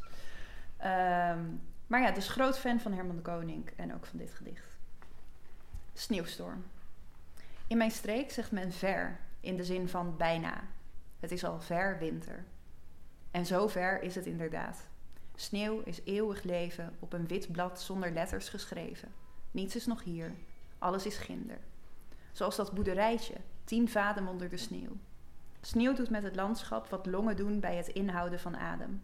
Wat ik doe door niet te zeggen hoe ik me tastend en op alle plaatsen en duizend keer per minuut en almechtig en toch zoekend en bijna plechtig en lief en definitief op jou wil neerleggen als sneeuw, van de eerste vlok tot de laatste. Dankjewel. Lief. Ja, het is een heel lief gedicht. Ja. Gaat de bel? Ja. Ja. Oh, ik hoor dat steeds net niet. Eh, dat zal Olga zijn, denk ik. Ik hoop het, ja. Ja. Ik vind dat beeld van het boerderijtje tien wadems diep onder de sneeuw inderdaad heel zoet. Maar ook een beetje, ook een beetje zielig voor de mensen in het boerderijtje misschien. Ja, maar het wordt, eh, ja, je krijgt toch ook weer, want ik dacht inderdaad, dit is dan het gezellige gedicht. Maar ja, je wordt ook weer gelijk met je neus op de klimaatvernietiging gedrukt. Ja, Gaan dat we ooit nog een sneeuwstorm krijgen? ja, tien vadems sneeuw hoeven we in ieder geval niet gaan meer op te rekenen, inderdaad. Nee. Mis jij dat? Ben jij een sneeuwman? Ja, ik hou wel van sneeuw. Ik ook wel, maar dan van achter het raam. Ja, niet om doorheen te lopen dat het al zo lekker... eh, Ja, ook wel even. Maar dan eigenlijk alleen de... Ik hou niet van fietsen in de sneeuw, dus ik word er gewoon een beetje kluisenaar van. En ik kan niet tegen kou en zo. Maar het ziet er heel mooi uit. ja, het ziet er zeker... Het ziet, hou jij van sneeuw? Hi. Hallo. Oh, wacht, ik kan ook zo weer verder gaan. Oh, er zijn wel ergere nummers, Daan. Toch? Voor je het weet heb je Akda en Munnik. eh, Ja. Die hebben een nieuwe hit gehad Oh ja? zelfs. Ja. Hebben die een nieuwe hit? ja. En is het wat? Eh, nee. nou ja. Nee, ja, god. Jezus. Dit is trouwens ook wel leuk om het gesprek weer eventjes met veel geweld terug naar de poëzie te halen. Oh ja. Ehm, ik ben dus al heel erg lang op zoek naar een gedicht. En misschien dat de luisteraars of jullie toevallig mij daarmee kunnen helpen. Dat is namelijk een gedicht. Ik dacht van Frank van Pamelen, maar volgens mij heb ik het een keer aan Frank van Pamelen gevraagd. En die zei dat hij van niks wist. Waarin iemand dus de regel... Ik ben een schoenmaker bij de verkeerde leest. Op die kromme manier in dat gedicht had verwerkt, zodat het Oh dus ja. metrisch wel klopt. Hè? Als je zei, ik ben... Nou ja, in dat nummer klopt het ook, maar... Dus je moest die zin zo eh, verhaspelen zoals Agda en de Munnik dat doen. En ik heb dat gedicht nooit meer kunnen vinden. Heb je niet eh, een soort Shazam voor dichters? Nee. Maar dat is wel jammer eigenlijk. En als je googelt op eh, ik ben een schoenmaker bij Ja, de verkeerde bij, lees, eh, dan krijg je hele andere dingen. Nou, Dat moet niemand doen.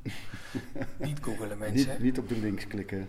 Als je het niet weet, dan is het oké, maar ga niet googelen. Doe jezelf een lol. Ehm, maar jullie kennen dit gedicht ook niet. Nee, Nee. nee. Ik denk niet dat ik het ooit ga vinden. Misschien eh, is het er ook niet. Heb je dat? Ik Denk heb het je dat? verzonnen. Ja, Ja, dat zou zou kunnen. kunnen. Ik heb jarenlang een melodietje in mijn hoofd gehad. En ook dat ik dan s ochtends in half, half slaap ben, of dat ik wakker word, dat dat melodietje in mijn hoofd zat. En ik, ik wist alleen maar dat het een fluit was. En, eh, maar ik wist helemaal niet. Het kwam, en ik wist dat het uit mijn jeugd kwam.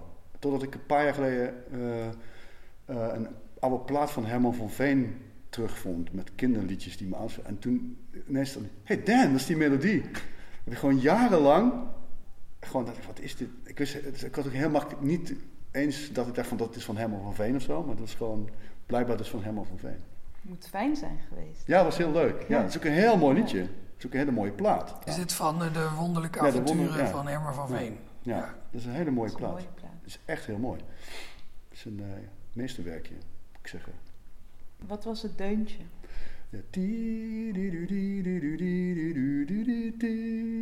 Dan herhaalt hij dat. En.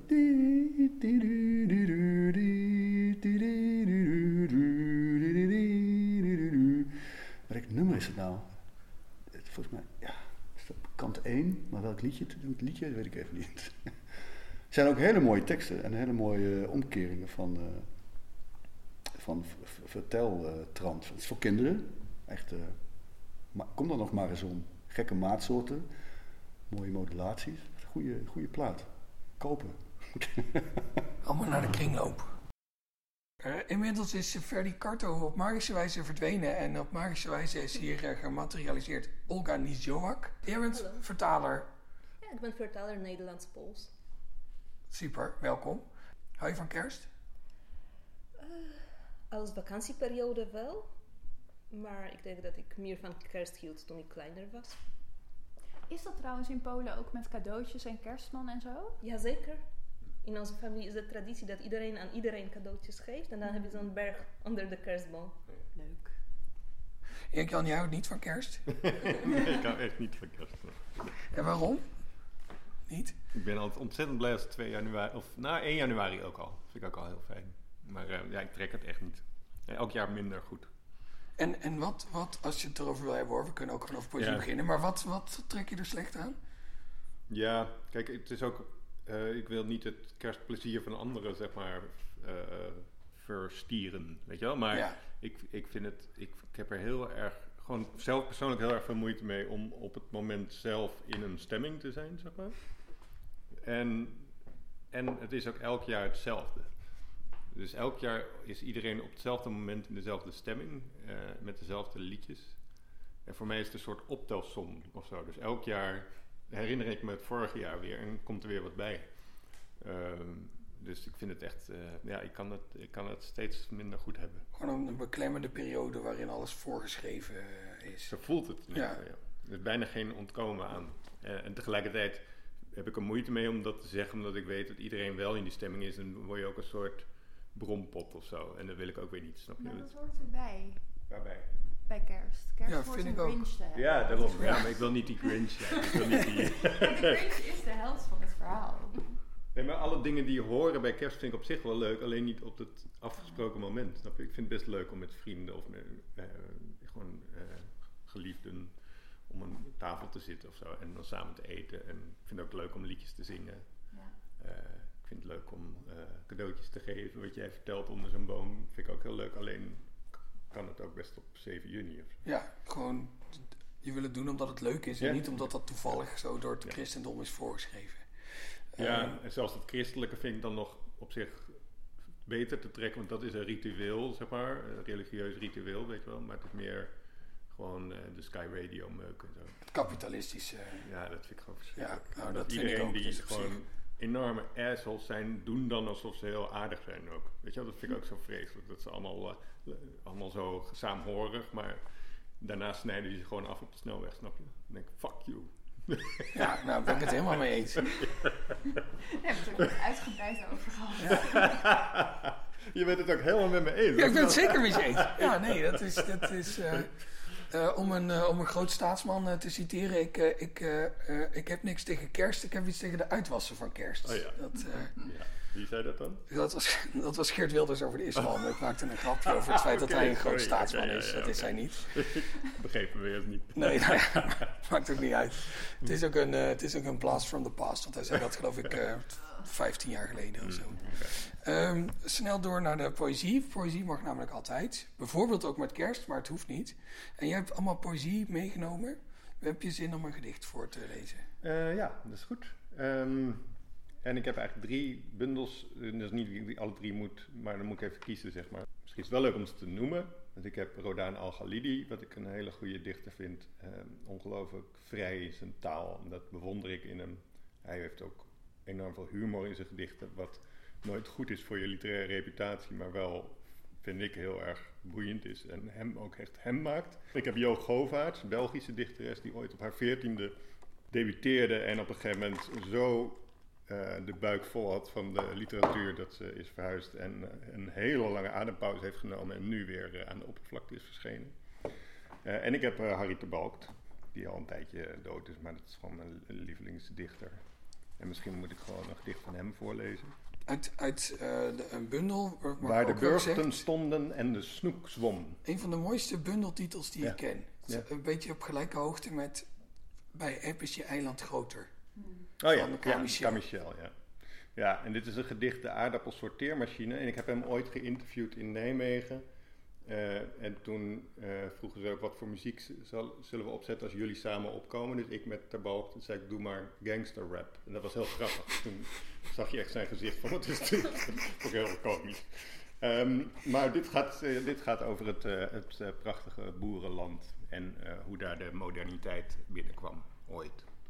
De aardappelsorteermachine. Ik woonde toen in een land waar de aardappelsorteermachine kwam. Van hout gezouten, met veel regens gemaakt, werkte hij als een monotoon brein. Hij sorteerde naar drie groottes als een krolse boerencomputer. Het regende altijd als hij kwam, of hij voortbewogen werd door die regen. Iets duisters dreef hem, iets verflauwds, als het matriarchaat. In de kasten stond oud jozo-zout en in het bos leunden bijlen. Ook het varken kwam naar hem kijken, met een groen oog over zijn hek. Hij was heel slim, die houten machine. Achter zijn lijfwacht van jute zakken. De kleinste aardappels vielen meteen door zijn bovenste mazen. Drie vlakken had hij, van hout en draad, die schuins dansten, een beetje obscuur. De allerkleinste aardappels stortten als dikke regendruppels omlaag. De grotere verzelden op het middelste valluik en de dikste rolden trots bovenop. Je zag het aan en kon het niet bevatten. Hij was ook altijd blauw geschilderd en kwam misschien wel uit China, van ver uit de platte wagons van de horizonnen, uit de fretachtige verte en het duister. Het regende altijd als hij kwam. Het was een koninklijke machine. Want ook de regen viel dan plechtiger. Of hij viel aan een koninklijk hof. Ik betreur hem niet, de aardappelregenmachine. Ik denk soms aan hem. Hij was de gedeukste onder de werktuigen. Parsifal, bespot door het elegant etgras. Maar de wolken hadden een zwak voor hem. En de regen haalde hem in als een hoeder. Dankjewel. Ik, ik ben altijd weer zo onder de indruk van het, van het vakmanschap van eh Ter Balkt. Ik kan er echt bijna wel om huilen. Gewoon zo goed vind ik dit. Ik vind het zo goed. En dat hij dan opeens varieert. En dan wordt het opeens de aardappelregenmachine. En dan denk je, wat, de wat gebeurt hier ineens? Weet je, het doet zoveel. En het is ritmisch zo fantastisch. En het is inhoudelijk ook zo onbekend eigenlijk. Weet je wel? Dit is eigenlijk een gebied waar nooit... Het is het oosten van het land. Daar wordt niet, niet zoveel over geschreven, snap je? Het heeft zoveel schoonheid. Het is echt waarom ik zoveel poëzie hou. Een Krolse boerencomputer. een krolse boerencomputer. Krijg je het opgeschreven zo trefzeker? En ik heb zelf i- ooit in een bollenschuur gewerkt. En dan had je ook zo'n zo'n bollen, bloembollen sorteermachine. En dan zag je ook die dingen zo aankomen dansen. En dan vielen ze als een soort lottoballen in de juiste... Weet je, dat, dus en dat sorteerde die dan? op grootte. Ah. Ja, dus hij, hij had de, bij aardappels heb je dan de grote en de kleine. En dan wordt dat alvast voorgesorteerd. Maar bij de bloembollen ook. Ja, bij de bloembollen ook. Ja, en dan moesten wij dan weer kijken of er rotte bloembollen tussen zaten. Maar wij deden eigenlijk gewoon dan niks. Want dat, niemand lette op. Dus stonden gewoon de hele dag als zombies. Te kijken Te naar die kijken ritmische en niet te kijken, ja, en zo ben je dichter Zo geworden. ben ik dichter geworden. Wat ik ook zo gek aan vind, is dat kijk, dat, dat idee is aan zich natuurlijk al spannend van je bent op het eh, rustieke platteland en er arriveert een eh, futuristische machine. Maar die machine is dan vervolgens weer de gedeukste aller werktuigen Ja. en is van, van draad en van hout. Dus Ja. het, is, het is net als je denkt dat je een beetje begrijpt wat hij gaat doen, doet hij iets totaal anders. Ja. Hoe flikt hij dat toch? Nou ja, en dan haalt hij Parsifal erbij en daar weet ik niet echt het, heel veel van. Maar dat is een van die ridders van de ronde tafel. En die werd weer... Zijn moeder wilde niet dat hij bij die ridders ging. Dus die ging hem dan verkleden als een soort clown, geloof ik, of zo. En dan werd hij bespot vanwege die uitdossing. En dat maakt hij dan weer... Maar dat doet hij dan even zo en passant, zo, weet je wel. Het is gewoon... Dan wil hij heel even shinen met zijn kennis van... Dat, weet je, ik vind dat zo fantastisch. Er is gewoon niemand zoals hij. En volgens mij maakt het verder niet zoveel uit wat je doet in de poëzie. Maar het is wel te gek als, je, als, je, als wat jij maakt nergens op lijkt. Weet je? Als, als je iets kunt maken wat nergens op lijkt, maakt niet zoveel uit of het goed is. Want wat is nou goed? Wat is nou een goed gedicht? Als het gewoon uniek is. Dat je gewoon denkt, ja, dit is.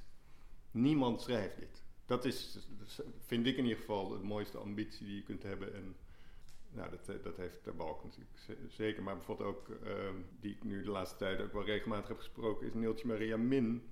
Een dichter die vooral in de jaren zestig, eh, of vooral toen, toen werd, kreeg ze een soort eh, mythische ehm, eh, beroemdheid. En daarna is ze die zo hard mogelijk gaan afschudden van zich. Net als Jo Govaerts trouwens. Dus dat, dat bindt die twee weer. Maar zij is ook een unieke dichter. Er is niemand zoals zij. Eh, en dat vind ik, eh, ja, daar word ik heel blij van. Toevallig had ik het met Neeltje Maria Min in de podcast over Menno Wigman. Ja. Dat, wat ook zo iemand is. Eh, Neeltje zei toen, je kan alle gedichten in een gedicht van Menno Wigman door klanken eh, vervangen. En dan zie je nog steeds dat het een gedicht van Menno Wigman Dat is. wel, maar hij staat wel echt in een traditie heel erg. Hè? Hij zet zich in een traditie van anderen. Is zelfs begonnen een beetje met eh, ja, daar een soort variaties op maken. En is later eh, veel meer hedendaagse thema's in dat werk gaan, eh, gaan toelaten, zeg maar. Maar het leuke van Terbalk is, vind ik, dat het... Ja, ik heb geen idee waar het vandaan komt ook. Snap je? Die was er gewoon. Ja. Maar wat vind jij, Nikke? Snap je dat wat ik bedoel? Dat, dat, je, vind je, probeer jij dat ook te doen? Dat je iets maakt wat gewoon nergens op lijkt? Ja. Ik denk, dat, ik denk dat ik niet helemaal in staat ben om dat te zeggen. Maar dat is wel een van de dingen die ik bij Diep Diep Blauw bij mijn boek had. Dat ik dacht, ja, je kan er veel over zeggen. Maar niet dat het al bestaat in de Nederlandse Nee, precies, precies. Ja, ja. Nee, precies. Ja. En dat is inderdaad wel... eh, ja, dat is ook echt wel wat ik wilde doen. Ik wilde eigenlijk aan jou... Want eh, was jij nou... Je was een hartjes voor me maken. Maar ging dat ook over Terbalk? Ja, dat ging precies over hem. Oh ja. Omdat ik heb hem niet zo heel veel gelezen, maar ik zag ooit een gedicht van hem voorbij komen op Facebook. En ik vond het zo mooi dat ik eh, voor mezelf een Poolse vertaling had gemaakt. Echt waar? Ja. Oh, wauw. Ja, het, is, het was een gedicht over zij draagt een glas water de trap op. Mhm. Ik weet niet Ja. meer hoe dat precies, Mhm. wat de titel was, maar Mhm. ja, ja. Ja. Dus ik had ook verzamelde gedichten van hem Ja? thuis liggen. Oh, cool. Maar ja. nog niet genoeg doorgelezen. Nee, nee, nee, nee, precies. Nooit Nee, genoeg nee, eigenlijk. Nee, Het is toevallig het gedicht dat eh, Eva Gerlach in de Poëziepodcast heeft voorgedragen. Zij draagt een glas water Oh, de trap op van Terbalk. Juist omdat hij zo trefzeker is en, en zulke gekke woorden uit hun hok laat, Ja. lijkt het me een crime om te vertalen. Dat was het ook. En je deed het voor de lol. Ja, maar ik heb een beetje een eigenaardige definitie van lol. Kennelijk. Alle vertalers, denk ik. Ja. Stiekem wel, ja. Stiekem wel. Ja. Maar wat is daarin dan... Wat, eh, wat maakt het lastig om dat bijvoorbeeld naar Pools om te zetten? Ehm, het eerste is, je hebt beelden. Mhm. En die kun je terugroepen in de taal vrij makkelijk, want hij gebruikt geen moeilijke woorden. Nee, nee. Maar het heeft ook, wat, wat jij net zei, een ritme. En dan moet je zorgen dat je en beelden krijgt, en ritme en, en de klank dat het vloeit. Mhm. Maar ook dat je niet te veel van jouw eigen interpretatie uitgaat. Want Oh ja. ik zie er ergens in, maar als er maar ook alternatieve beelden in mogen voorkomen, dan mag ik niet het naar het Pools alleen maar mijn beeld over te nemen. Het was anderhalf jaar geleden of zo, dus ik weet de details niet meer. Mm. Maar zo ongeveer, weet je dat het... Ja. En hoe bepaal je dan hoeveel vrijheid jij hebt als vertaler? Ik denk niet dat er algemene regels Nee, bestaan. nee, nee, moet je echt op je eigen gevoel eh, doen. Ja, Ja, en soms, eh, want eh, ik heb ook Charlotte van den Broek naar het Pools Ja, vertaald. ja. Dus dat was moeilijk. Ja. maar ik had haar ook soms gemaild van, Ja. ik, la, eh, ik beschreef een paar keuzes die ik kon maken. Ja. En ik vroeg van, wat is meer, wat, eh, wat komt meer overeen met wat jij wil? Hm. Dus dat was ook heel Ja, handig. dat ik, precies, precies. Ja. Het scheelt misschien wel, denk ik, dat. dat of, ja, dit is mijn, mijn, mijn mening. Maar dat, dat Pools zo'n ontzettend ritmische taal is. Ik kan me voorstellen dat dat helpt bij het vertalen van poëzie. Of vind je dat wel meevallen? Ja, ik weet niet. Denk jij dat Pools zoveel meer ritmisch is dan het Nederlands? Ja, dat idee heb ik. Ik heb, ik heb best wel vaak Poolse dichters horen voordragen. En ik versta geen Pools. Maar, maar in vergelijking met... Ik heb ook wel dichters in andere talen horen voordragen die ik niet verstond. En dan vond ik Pools eigenlijk altijd het prettigst om naar te luisteren. Oh. Omdat het, omdat het ook als, als klank waar je geen betekenis aan kan verbinden... aangenaam is. Ja, het is een hele mooie taal. Dat vind ik ook, om echt naar te luisteren. Inderdaad. Meer dan, heel veel mensen zeggen dat over Italiaans of Frans of zo. Dat vind ik echt niet. Pools is, inderdaad heeft iets ritmisch, maar ook, ehm, het heeft fijne klanken. Ik vind het Italiaans best wel, ja, niet schel, maar een beetje zeurderig. Is het, herken je Pools hierin? Of zeg je, waar hebben jullie het over? Nou, misschien om, omdat ik, omdat Pools mijn moedertaal is, dat ik het nooit zo door had. Omdat het gewoon, ik groeide daarmee op. En dan hoor je dat misschien niet zo snel op zo'n manier. Ja, dat is ook lastig, denk ik. Aan, aan, je hoort ook heel vaak van mensen dat ze Nederlands zo lelijk vinden. Nou, daar kan ik dan nog wel inkomen.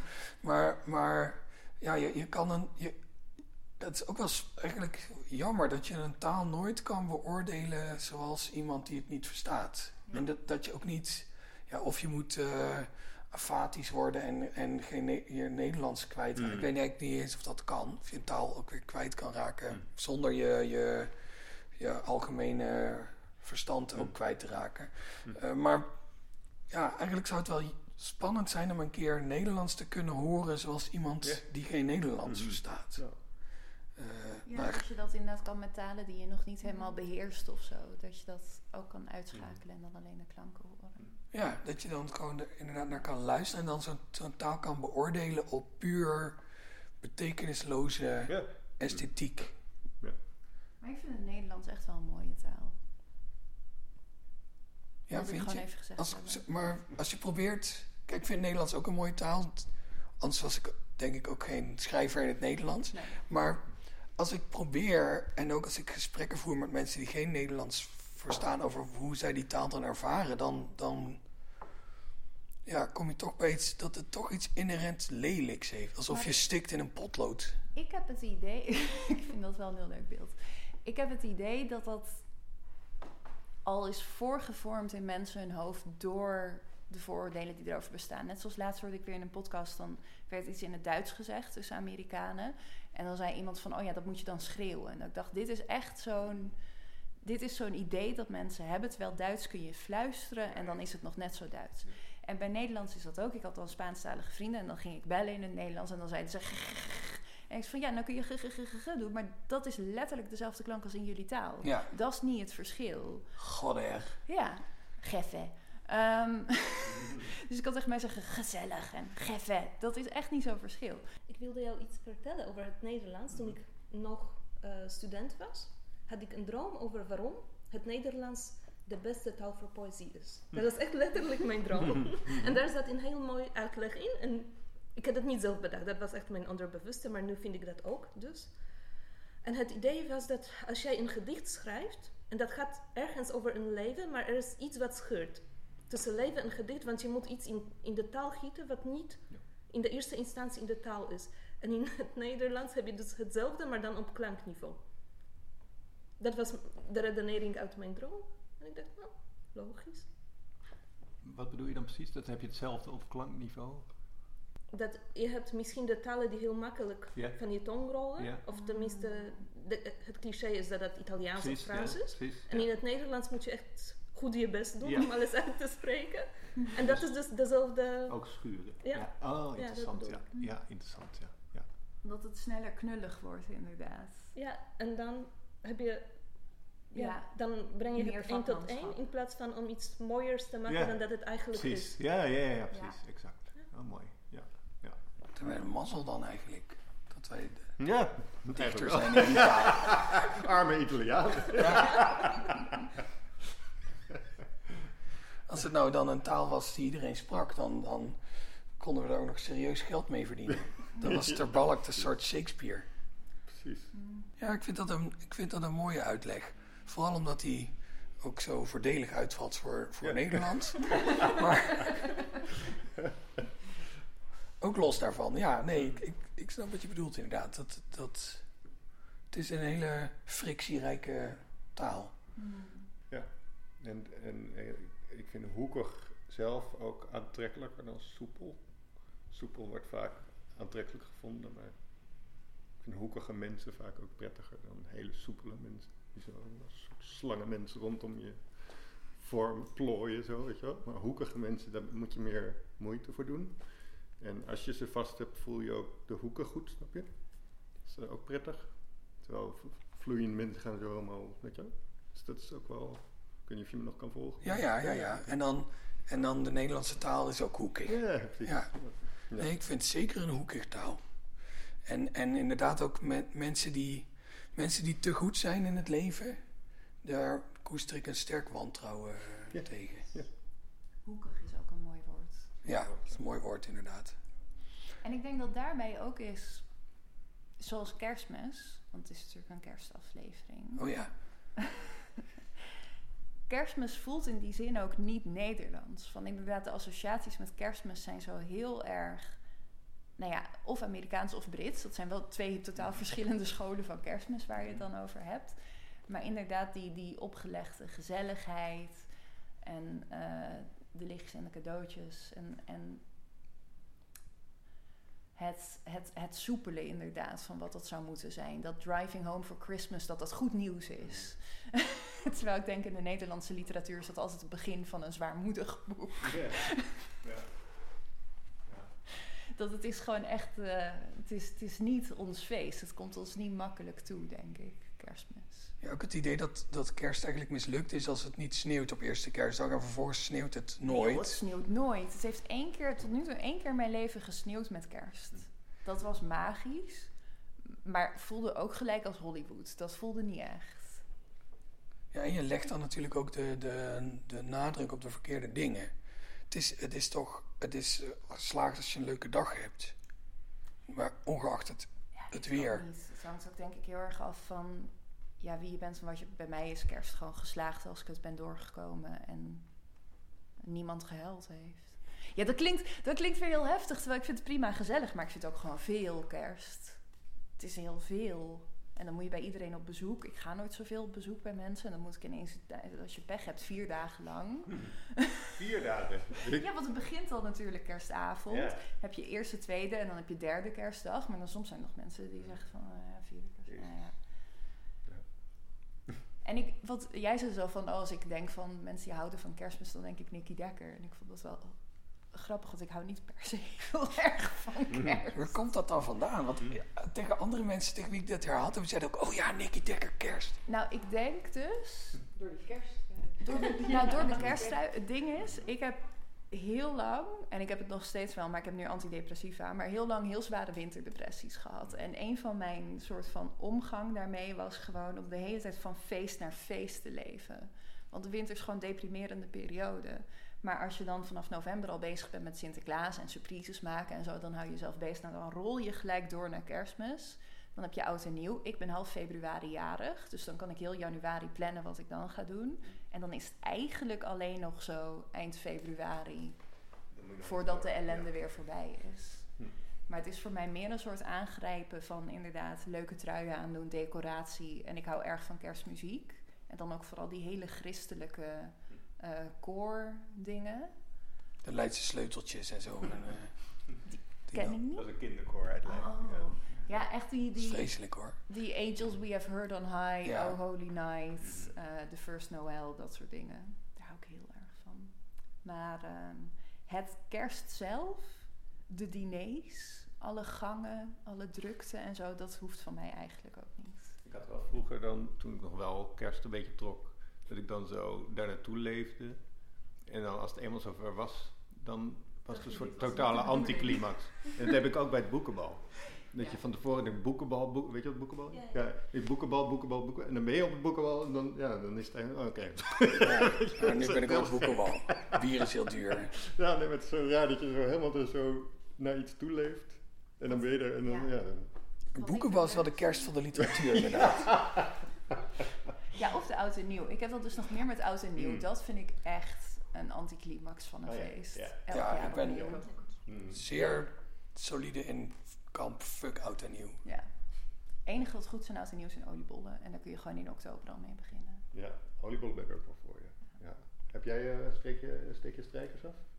Nee, ik hou daar helemaal niet van. Oké. Zou zijn, zo, ja, hij op. Ik heb dus wel de laatste, laatste dagen dat ik eh, heel erg van de winter hou. Oh ja. Omdat ik dan fiets ik over straat en dan heb ik het heel koud. En dan kijk ik naar iedereen en dan denk ik, iedereen heeft het heel koud. En dat is dan iets wat we met elkaar Ja, delen. En dat, ja, ik weet niet, dat geeft me een fijn gevoel. Verder hou ik niet per se van kerst, maar wel van kersttijden. Ja, niet per se van kerst, maar wel van de uitwassen van kerst. Nou, dat lijkt me een mooie stichtelijke gedachte om mee af te sluiten. Dit was de kerstspecial van de Poëzie Podcast. eh als mede aflevering 86. In januari zijn we er weer. Althans, ik, al deze mensen niet. Eh, ze zijn er wel op aarde, eh, maar niet in deze podcast. Heel goed, dankjewel. Ehm maar wie er dan wel is, is de schrijver van het Poëziegeschenk, Edward van de Vendel. Ik moet hem dat zelf nog even laten weten, maar hij is er dan. En eh, het wordt ook denk ik een heel mooi poëziegeschenk. En dan gaan we gewoon weer eh, keihard doormokeren met eh, de Poëzie-podcast. Eh, voor nu rest mij jullie allemaal, ondanks alles, een fijne kerst te En de wensen. beste wensen. En van Erik Jan de beste wensen. In Limburg zeggen ze dan alles wat wenselijk is. Dat vind ik zo'n luie wens. Alles wat wenselijk Maar is. ga niet gaan zeggen een prettig uiteinde. Dat denk Nee. ik altijd aan, je weet wel. Ja, dat is inderdaad niet goed. Dat, dat wensen we jullie allemaal niet. Al het goede. Al het goede. Al het goede. Al het goede, ja. Eh, eh, kom gezond aan in het nieuwe jaar. En dan van daaruit op dezelfde voet voorwaarts. Nee. Niet? Oh, maar anders, toch? Vind je dat het goed gaat? Vind je dat het goed gaat? nee, oké. Eh, ik, ik bedoelde meer met in ieders persoonlijke gezondheid. Eh, de- Als die goed is, Van- dan wel. ja, toch? Als maar als die niet goed is, dan beterschap. Eh, hebben, we nu alle, hebben we nu alles wat wenselijk is eh, zo ongeveer gewenst? Eh, ik denk het wel. Bart de Vrees heeft ben ik van mening dat er een einde moet komen aan de bio-industrie. Ja, dat ook. Eh, Bart de Vrees heeft eigenlijk al genoeg aandacht gehad in deze aflevering. Maar ik ga toch even zeggen dat hij deze prachtige muziek gemaakt heeft. Ook dus de kerstversie ervan, die ik nu langzaam aan het infaden ben. Ergens in de nabije toekomst. Eh, heel erg bedankt voor het luisteren. En graag tot volgend jaar. Nou, dat is een mooie trainwreck van aflevering.